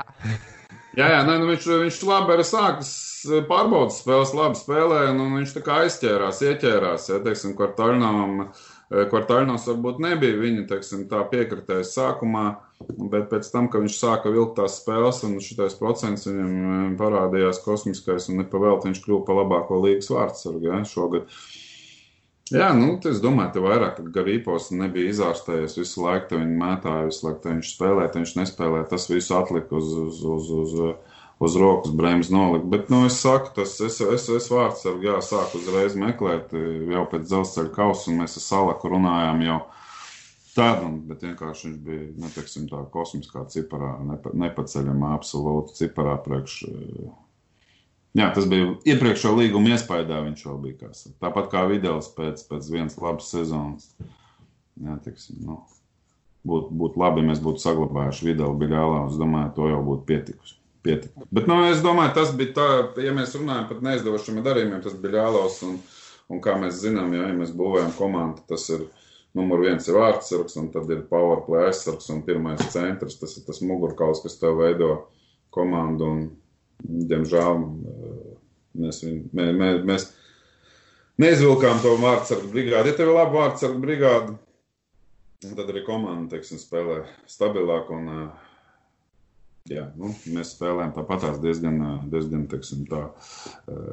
Komanda ļoti labi cīnās. Teiksim, tā, jā. Mums varbūt tās meistarības nav, bet mēs tajā spēlēs arī iepriekšējā gadā nu, nepadevāmies. Nu, nu, nu, tad vārdsargam ir šeit jāpatur spēlē, un tās viena, divu golu spēles mums ir. Mēs nevaram vinēt spēles 7-1. Ja. Ok, tu teici, tātad pamats ir vārdsargu brigāde, otrais tu minēji powerplay aizsargs, kas eh, šajā sezonā bija Bens Māršals, vai ne? Mm -hmm. Ar uh, Māršalu nu, liekas trāpīgi kā ģenerālmenedžers. Tas, ko viņš eh, parādīja uz ledus, bija tas, ko tu biji gaidījis. Nē, nu es gaidīju vairāk. Es biju, nu, saprotu, viens ir to, ko mēs veicām skautingu. Pie Maršala mēs braucām un skatījāmies arī uz vietas viņa spēli dzīvē Slovākijā un gan video un tā tālāk. Un to, to metienu mēs līdz galam neizjutām. Mums akūts, akūti pietrūks aizsargu, kurš var aizvest ripli no zilās līnijas līdz vārtiem, ja, teiksim, vairākumā. Ja. Uh, Un uh, to Majona izcili darīja. Tas bija viens no viņa trumpiem. Teiksim, pie, nu, viņam bija arī nu, mīnus, ja, kurus mēs teiksim, ļoti labi noslēpām iepriekšējā sezonā. Un, bet nu, viņa stiprais, stiprais trumps bija rips dabūšana līdz vārtiem. Nu, tie ir tādi visvērtīgākie aizsargi. Nu, diemžēl Maršalam ne īsti izdevās šis, šis, šis, šis komponents. Bet kopumā es nevaru teikt, ka es neapmierinās ar viņu spēli. Bet klausies, ja mēs atkal, es drusku neatgriezīšos pie naudas. Ja veidojot komandu, būvēt, saka, ka nauda pietiek, Droši vien, ja tu gribi sezonas laikā pārbūvēt, tad ir sarežģītāk ar to rocību. Ja, ja tad tev būtu kāda lieka līdzīga, tad varētu kādus straujas manevrus uztaisīt diezgan veiksmīgus. Ja tas ierobežot, tas gan ierobežot. Nu, bez šaubām. Tur, tur, teiksim, jā, nu, ja mēs ņemam konkrētu momentu, kad mēs saprotam, ka vārds ar mums vajag un ka mēs veicām, salakam, mēģinām atbrīvot naudu, loģiski. Mm, Daudz cilvēku domā, ka es neesmu pie pilna prāta, ka es atlaižu Ulstramu un Berglonu, bet man ir jāatbrīvo nauda, lai es viņu nopirktu. Es varēju atbrīvot citus cilvēkus, bija doma atbrīvot citus cilvēkus, bet mēs palikām pie nacionālās, teiksim tā, nu, nacionālas, nacionālas komandas, teiksim, ja mēs, mēs pēc latviešus nestikām. Un, un, un līdz ar to mēs izvēlējāmies tādu ceļu ietu, kas, kas nu, likās, nu, tas riskants, nu, riskants ceļš, bet, nu, Vienbrīd jau tā komanda atdzīvojās un rādīja ļoti labu sniegumu ja, pirms jaunā gada. Un, un jau mēs pievilkāmies pie plēsoņa, un uh, tad uzskrējušies kosmos ar uh, aizsargu traumām un abu vārdu ar traumām. Tad jau, tad jau varēja tur, tad varēja darīt, kur grib tajā ģērbtuvē. Tā, jā, uz beņķa. Klausies, tu jau atgādināji par vārdu ar traumām. Tas ir tā, ka tu, uzzini, ka ir viens savainots, uzzini, ka ir otrs savainots. Tas ir viens jaunais vārds, kurš nav spēlējis AHL. Nu, klausies, mākslinieks nerāda galvas. Kas mākslinieks nerāda? Nē, nu, nerāda. Nu, ko man darīt? Treneris darbs. Es to uztvēru kā jaunu izaicinājumu, godīgi teikšu. Ja? Un mēs pārkārtojam, teiksim, domāšanu, lai spēlē jaunie un, un, un, un tā, tādā veidā. Ja? Oris, nu, viņš sev labi parādīja. Nu, loģiski, viņam ir tāls ceļš šajams vēl, bet bija spēles, kur viņš labi sev parādīja. Ja? Nu, tādā vecumā grūti nostāvēt eh, vienā līmenī, bet nu, viņš parādīja, ka viņš var tajā līmenī spēlēt. Nu. Nebija tāds epizodes, kad nāca komandas dakteris un teica, ka viņš vācies projām. Negribu redzēt, redzēt tev atkal labām ziņām nāks. Bija gan, bija gan, bija gan. Godīgi teikšu, bija. no rīta ir pirmspēles sapu, pirmspēles sapulcē, tu gatavojies, tu esi atnācis ātrāk un gatavojies un ienāk doktors, jo doktoram nevajadzētu nākt tajā brīdī iekšā. Tu saproti, ka kaut kas jauns.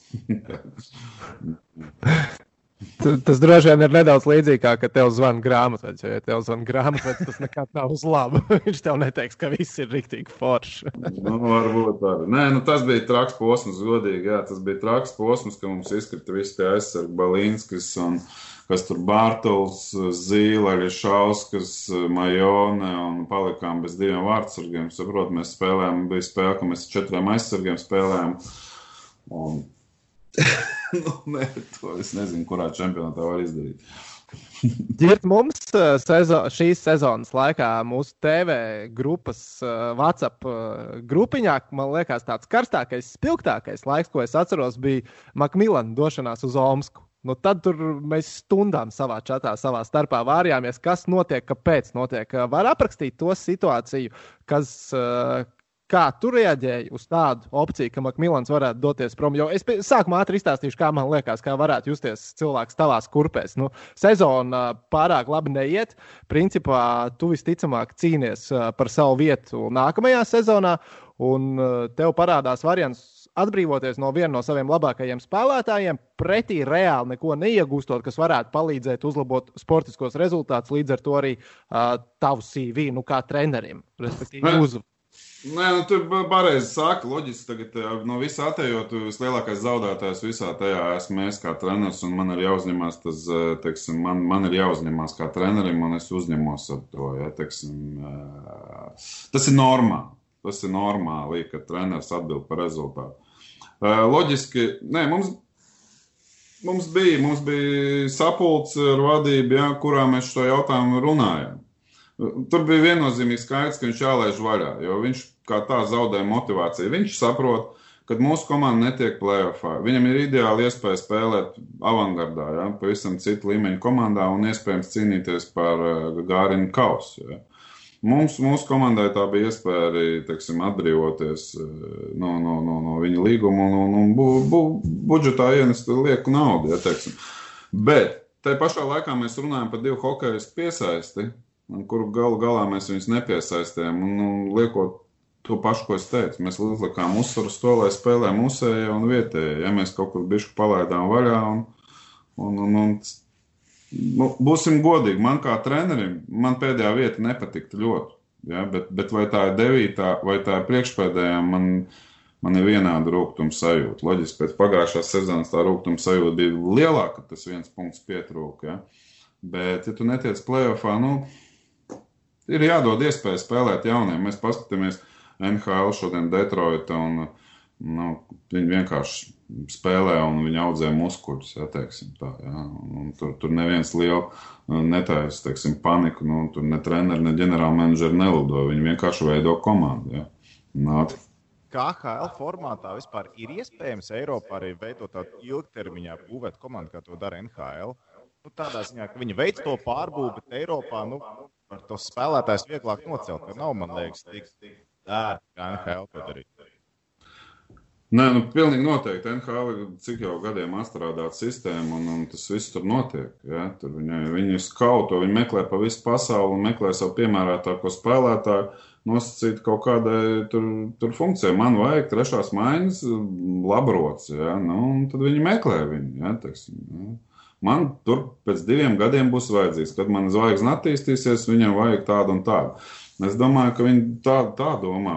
KHL vēl, vēl tā nav. Kaut gan skā, skā, es domāju, ka virzās tajā virzienā. CSK, nu, kas, ko mēs varam vēl teikt, pats Jokarits diezgan, teiksim, audzē tos muskuļus nepārtraukt, bet, nu, mēs nerunājam par jauniem hokeistiem. Bet, kas skar mūs, mēs esam diezgan daudz domājuši par šito lietu. Un, Mēs esam diezgan daudz jaunos izlaiduši caur mūsu komandu un uh, izcēluši jau, teiksim, tā saulītē. Ja, teiksim, Nu, vismaz es uzskatu, ka manā laikā, ja mūsu treneru korpusu laikā, mēs esam diezgan daudz jaunas spēlētājas iespēlējuši līdz tam pašam izlases līmenim. Ja, tā kā, tā kā nu, nav, nav, nav labuma bez ļaunuma. Ja, teiksim, ja tādā, es domāju, ka nevajag baidīties tajā brīdī, kad komandai neiet un e, pārdzīvot un stresot, dodiet iespēju spēlēt jaunajiem. Un, un, un, un, tas, tas, tas nesīs Tas nesīs augļus, teiksim, nākotnē. Mēs skatāmies pa, ne tikai par Dīnāmo, tur arī Latvijas izlasi jāņem. Ja, teiksim, es uzskatu, ka eh, piemēram, Latvijas, Latvijas izlases starts arī lielā mērā ir atkarīgs no Dīnāmo, ko tu pagājuši, tur bija ļoti daudz Dīnāmo hokeistu, un viņi parādīja ļoti stabilu sniegumu, varbūt tās ne pirmajās lomās, bet nu, otrajās, kas, ir, kas nav mazsvarīgi. Ja. Klasiski, Jā, nu tā piedāvāt, es tev gribu piedāvāt uh, trīs opcijas tālāk nākotnē. Tev jāizvēlās. Tev ir A, B un C variants. A variants, tu esi kāda kluba ģenerālmenedžeris, B variants, tu esi kāda kluba galvenais treneris, C variants, tu esi izlases galvenais treneris. Ko tu ņem? Viens, Kas, jā, kas, jā. jā uz, uz ko tu gribētu? Mm. Nav viegli. Nav, vai ir kaut kas tāds, ko tu uzreiz atmet no stūra? Nu, es tagad sarežģītības pakāpi varbūt ņēmu. Ja? Atbildīgākais darbos ģenerālmenedžers, kluba, kluba treneris, tas ir sarežģīts izlases treneris, tas ir nu, nedaudz, teiksim, man vieglāk. Nu, nevis vieglāk, bet īsāks laika posms tev jāstrādā. Un, tas, ir, ne, tas ir savādāk, izlases treneris. Un, uh, teiksim, pilnu, pilnu, kā te teikt, treneris, kurš trenē veselu gadu komandu, tas ir savādāk. Tur ir daudz pārdzīvojumu. Tas tāpat kā dzīvē, ģimenē vai vēl kaut kur, bet eh, pasaules čempionāts tas ir nedaudz savādāk. Tas ir vairāk uz emocijām balstīts, uz, uz motivāciju un tā tālāk. Ja. Un bieži vien mēs redzam komandas. Ja, uh, Teiksim, pasaules čempionātā, kuras varbūt nav tik saspēlējušās, ja nav tik organizētas, un tad viņi spēlē tā brīvāk un, un, Un, un, un nevienmēr vinē. Pēdējais čempionāts, ko mums parādīja Somija, teiksim, klasiskā hokeja paņēma novācu visus. Ja. Pagaid, bet ko tu ņem beig, beigās? Ko es, es, ne, es, es, labā, es... labā politiķis pilnīgi izgāja ārā no situācijas. Nē, labi, es to sapratu. Es sapratu, es ņemtu klubu galveno treneru. Klubu galvenais treneris. Kāpēc izlasnē? Pa maz Grūti teikt. Nu, nē, tikai un vienīgi izlases treneris, ka uh, visu atlikušo laiku tā, tā, teiksim, nav, nav, nav tāds darba grafiks. Es esmu pieredzējis, es vēl esmu laikam jauns un jūtu spēks, ka es varu labprāt iet tam visam cauri. Ja? Izlases treneris. Nē, tas arī ir forši. Nu, tu man noliki tādās, zini. Viss labi, pa lielam, viss labs variants, Tom piedāvāja. Ģenerāla menedžers tas ir pavisam savādāk. Vien, ja tu pilnīgi ģenerāla menedžers tas tikai un vienīgi be, be, bez treneru funkcijām, tas atkal ir savādāk. Jā. Kā... Mēs ar to mums ar... Treneris, klubu treneris, viss nav ko filozofēt.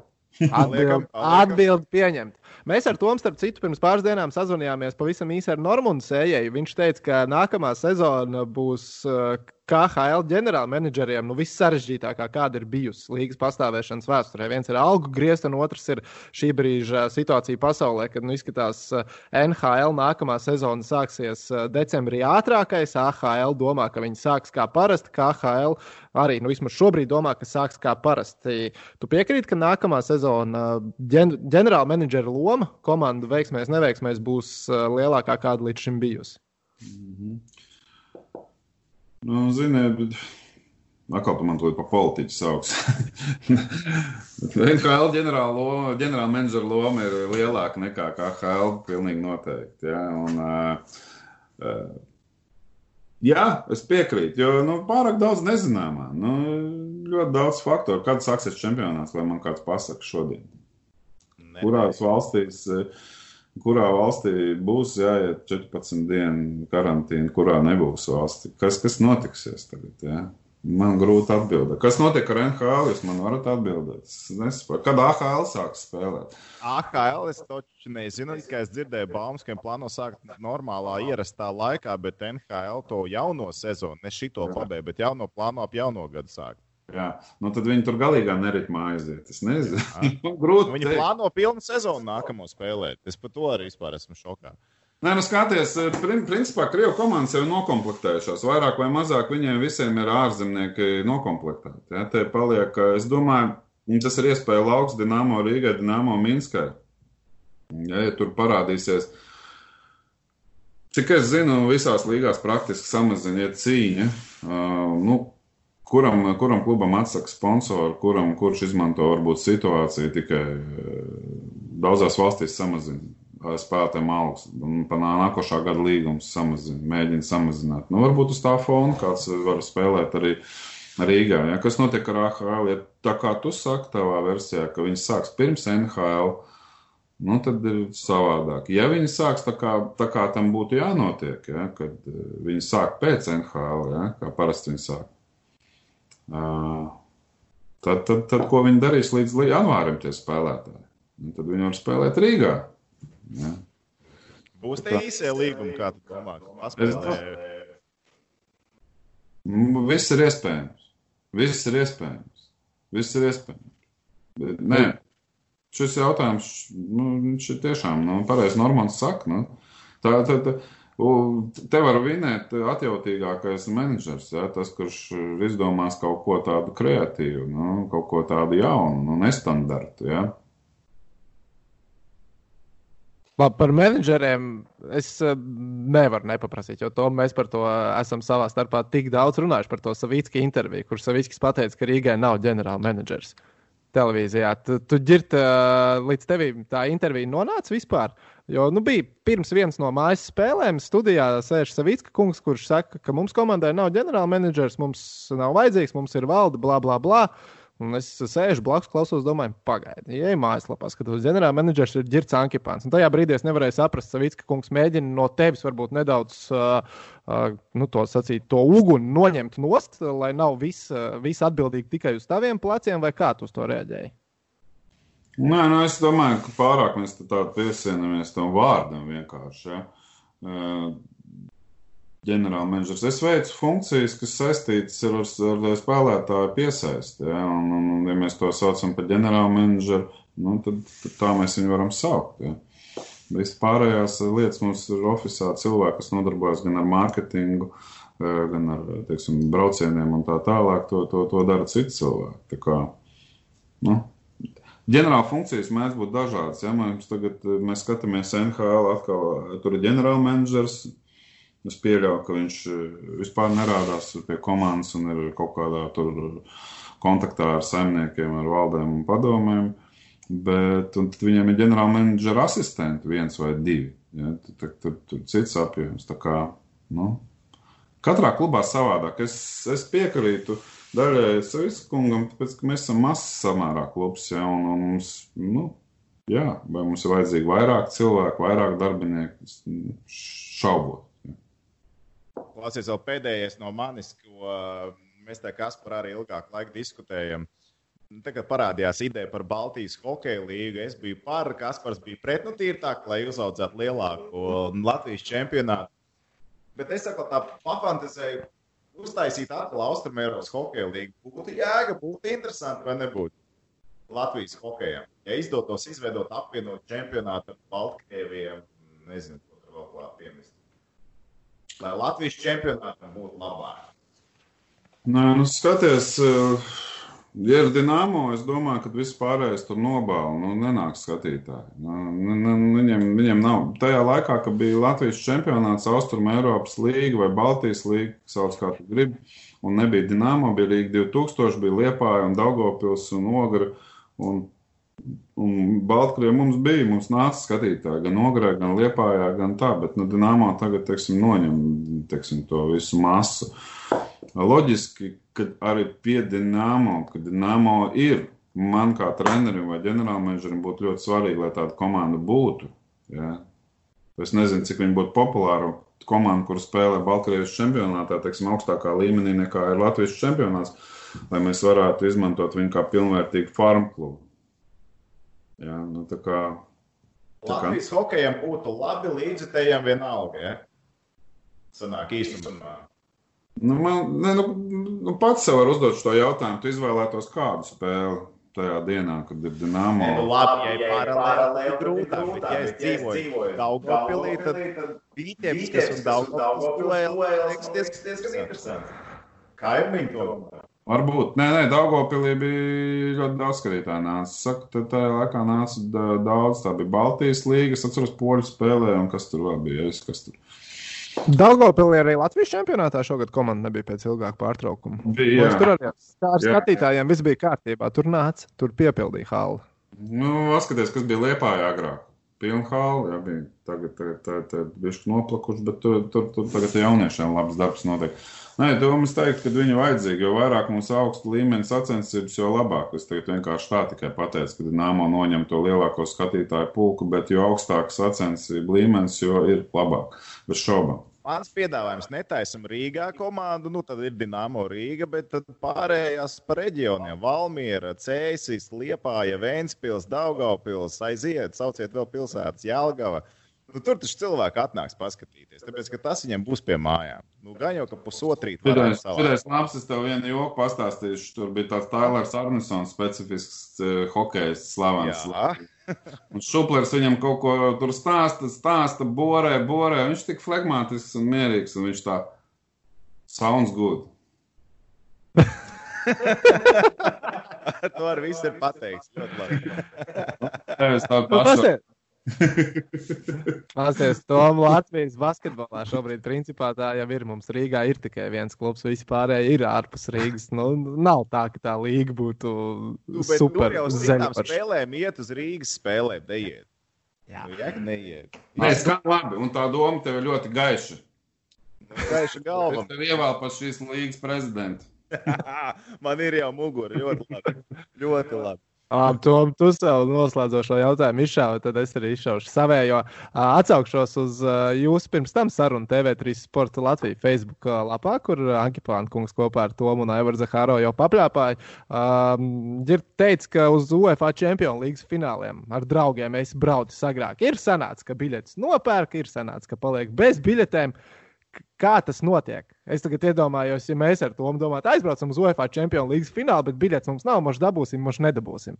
Kas tie bija pa braucieniem, kā tie notika, uz kuriem fināliem tu esi bijis? Oh, nu... Kā var vispār biļeti uz vietas dabūt? Man tas vispār liekas nereāli. Nu, jā, tas viens no momentiem, kad tu pieeji tur, tur tāda tirzniecība tām biļetēm. Tur, tur, tur iet Var gadīties, ka tu pāris simtus var izlikt pa vienu biļeti. Bet tā ir dārgākā biļete, ko tu esi dzīvē nopircis. Kāda ir dārgākā biļete? Vienalga uz koncertu, uz ieeju, nezinu, atrakciju parkā vai uz hokeja spēli, vienalga uz futbolu. Kas ir dārgākā biļete, ko tu esi nopircis? Man tas ir atklāts. nu, es gribu zināt. Tu vari iziet līdz kā četrām, politiķis. No... Līdz četriem cipariem. Bet tu. Man psiholoģiskā robeža ir 100 eiro. Nu, Nē, tas bija sen. Nē, godīgi, mums bija kompānija, un, nu, labi, tas, jā, nu, lai cik skumīgi nebūtu, es vēlreiz varu atgriezties pie Kārļa, jā, un tas bija viens no mūsu, teiksim, draugu mugurkaulu, mēs draugu pulku mugurkaulu, mēs braukājām apkārt, sezonas beigas, Champions League fināls perfektā laikā. Viņš ir mājā, mājā pēc, pēc pasaules čempionāta hokejā pirmās atvaļinājuma dienas. Un, ja paveicās, vēl kaut kāda prēmija ir ieskrējusi par pasaules čempionātu, vai ne? Kīrovs solījums vismaz. Tas nav noteicošais, bet mēs braucam, citiem ir medības, citiem ir makšķerēšana, mums ir futbols. Nu, un tad mēs braucām, un parasti tie fināli ir ļoti labās pilsētās, ja teiksim, tādās pilsētās, nu, kuras tā kā ikdienā nedodies. Nu, mēs esam bijuši Maskavā, mēs bijām Champions League, tur gan mēs tikām. Mums, mums, mums, mēs agrāk, mums vēl joprojām ir paziņas, kas uz Chelsea spēlēm mēs varam nokļūt. Jā, teiksim. un, um, jā, mēs bijām Maskavā tajā trakajā finālā, kad Terī aizsita pendeli garām pašā, tur jau cēla rokā gais, gaisā rokas. Es, es biju Chelsea fanu sektorā, Viņi jau tur viss cēla rokas, vilka tos kausus ārā, tos savus, nu, nezinu, kas, kas kur. Un viņš pār, paslīd, tur bija lietas, viņš paslīd pāris pāri, un tad es neceros, Ronaldu, man liekas, ieplēs to golu, un viss tur raudāja, un tur vesel, vesels, vesels pasākums. Mēs bijām Lisabonā, kur vēl bija Berlīnē, Romā, viskur. viskur. Tad mēs braucam. Biļet... Mēs braucam, nē, nu, mēs nevienmēr tur tikām iekšā. Bet, nu... Tas bija izaicinājums. Ja? Braucam, tu nezini, kas notiks. Nā, Jā, es teiktu, bet tur jau vienmēr, saprot, tas ir vesels akcents. Tā pilsēta ir pilna. Ja tajā stadionā var ieiet, tur nosacīt 80 tūkstoši, tad tajā pilsētā tajā dienā atrodas eh, plus, plus, plus 500 tūkstoši cilvēku, kur, kur arī netiek iekšā.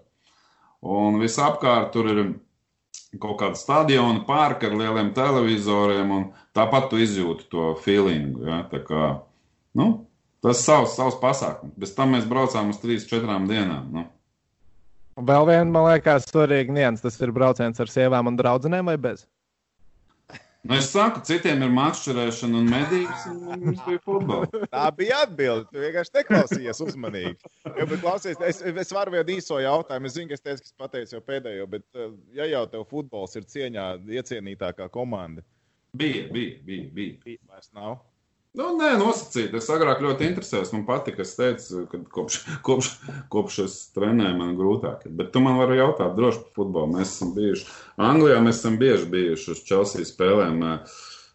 To pašu Manchesteru un, un, un Spartaku un futbolu līniju, Champions League kaut kas tur, es pat neceros. Bet man ļoti patīk. Man, man patīk apmeklēt citas sporta veidus, skatīties, kā spēlētāji iesildās. Viņi, viņi, viņi fantastiski. Futbolistu iesildīšanos esat skatījušies kādreiz augstu līmeņu. Viņi ir, viņi ir baigākie monstri. Es vienreiz skatījos Amerikas futbolu. Es biju aizbraucis uz Londonu no Amerikas futbola iznestā spēle. Bija. Un tad mēs tur ar draugu speciāli gājām līdz pašai apakšai, lai skatītos, kā tie lielie tur, tur iesildās. Viņi baigās mašīnas. Es uh, arī Londonā, Londonā esmu bijis uz tām amerikāņu futbola spēlēm. To es joprojām uzskatu par savu visu laiku veiksmīgāko sportisko sasniegumu savā dzīvē, kad es noķēru tēkraklu, kur tajā milzīgajā Wembley stadionā izšāva no apakšas, un es viņu noķēru. Es domāju, tas ir spēr pa bumbu un nokrita TV tiešraidē. Es domāju, ka tā nē, nē, tas tā. Ir tev aizsūtījuši ļoti augstu meistarklases spērienu, sanāca iesautoties Kasparam. jā, jā, tas bija pāris nedēļas atpakaļ. Nu, skaidrs. Kas par tevi vēl ir kaut kas šaujams? Ai, Nu, būtu jau būtu, bet, ja es sākšu vienu, tad pavēlsies lavīnu uz nākamajiem, un mēs jau pusotru stundu ģirta esam noturējuši pie uh, datora. Es domāju, teiksim paldies uh, ģirtam, teiksim paldies arī klausītājiem, skatītājiem. Ceram, ka jums uh, patika un atvadamies, vai ne? Tiekamies jā. kaut kad droši vien klātienē, ģirt jau, jā. Mums tēmas izskatās jau pietiekami daudz. Jā, mēs veselu šo ciklu varam seriālu, Jordana filmas cienīgu ja, turpinājumu. Nākošā ciklā es varu izstāstīt par uh, futbola spēlēm pret basketbolistiem. Mums bija klasika. Futbols pret hokeisti. Futbolā pret basketbolistiem. Nu, daudz gadus pēc kārtas mēs spēlējām vasarā uh, futbolu. Un, un, un skaitījām katru uzvaru kā vienu, ja, teiksim, punktu. Un tad mums vasaras beigās vācām tur to visu pasākumu kopā. Tur, kurš uzvarēja 12, 13 nosacīt. Viens gan bija nelabi. Gols ar galvu bija pa diviem. Tas nāk no basketbolista pasaules. Jā, tā, tā, tāda noteikuma basketbolistiem ir parasti. Pagad, mēs šito tagad neceļam augšā. Ar to beidzam. ah, labi, bet tu apsoli, ka mēs šito vēl izrunāsim. Šis ir. Šis ir labs, jā, tur daudz Daudz, daudz bijuši. Tā es to vairākās paudzēs. nu, redz, āķīts nākamajai epizodē mums ir gatavs. Vecākais Valters man liekas, spēlēja. Tāda nopietna, tāda nopietna. Tagad, man liekas, jaunie vēl spēlē, vēl, teiksim, Daugovu pārņēmuši to un darbojas. Mums ir jāatrod, kur tās spēles notiek. Ežu parkā bija. Agrāk mēs regulāri vairākus gadus spēlējām. Bet viss var taisīt milzīgu TV tiešraidi. Padomā, tur hokejs pret basketbolistiem spēlē futbolu. Tas taču ir pārprotams pasākums. Mums bija viena vecuma, plus mīnus. Mums bija mums tāds labs attiecības ar, ar, ar Štāmakaru, Šnepu un, un, un Vecvagars, un kas tur Helmans. Un, un mēs atkal savu gadu, un tad mēs tur spēlējam. Tur Bagātskis spēlē. Nu, tā kā daudz, daudz, daudz jebkuram basketbolistam paprast par šīm spēlēm vai hokeistam, tev pastāstīs. Kaut ko mēs šajā sakarā izdomāsim. Es tādu bijuši savainojumi, kad jāizlaiž sezonu, lai cik tas skumīgi nav. Tik svarīgs tās spēles ir. Tik svarīgi. Labi, paldies tev, Girt. Turam pie vārda, zvanīsim tev vēlreiz. Un, nu, ko tad veiksmīgi atpūt, un tad jau skatāmies, kad sazvanīsimies vispār, kas dzīvē tālāk. Paldies tev! Čau! Jā, paldies jums! Čau! Čau! čau.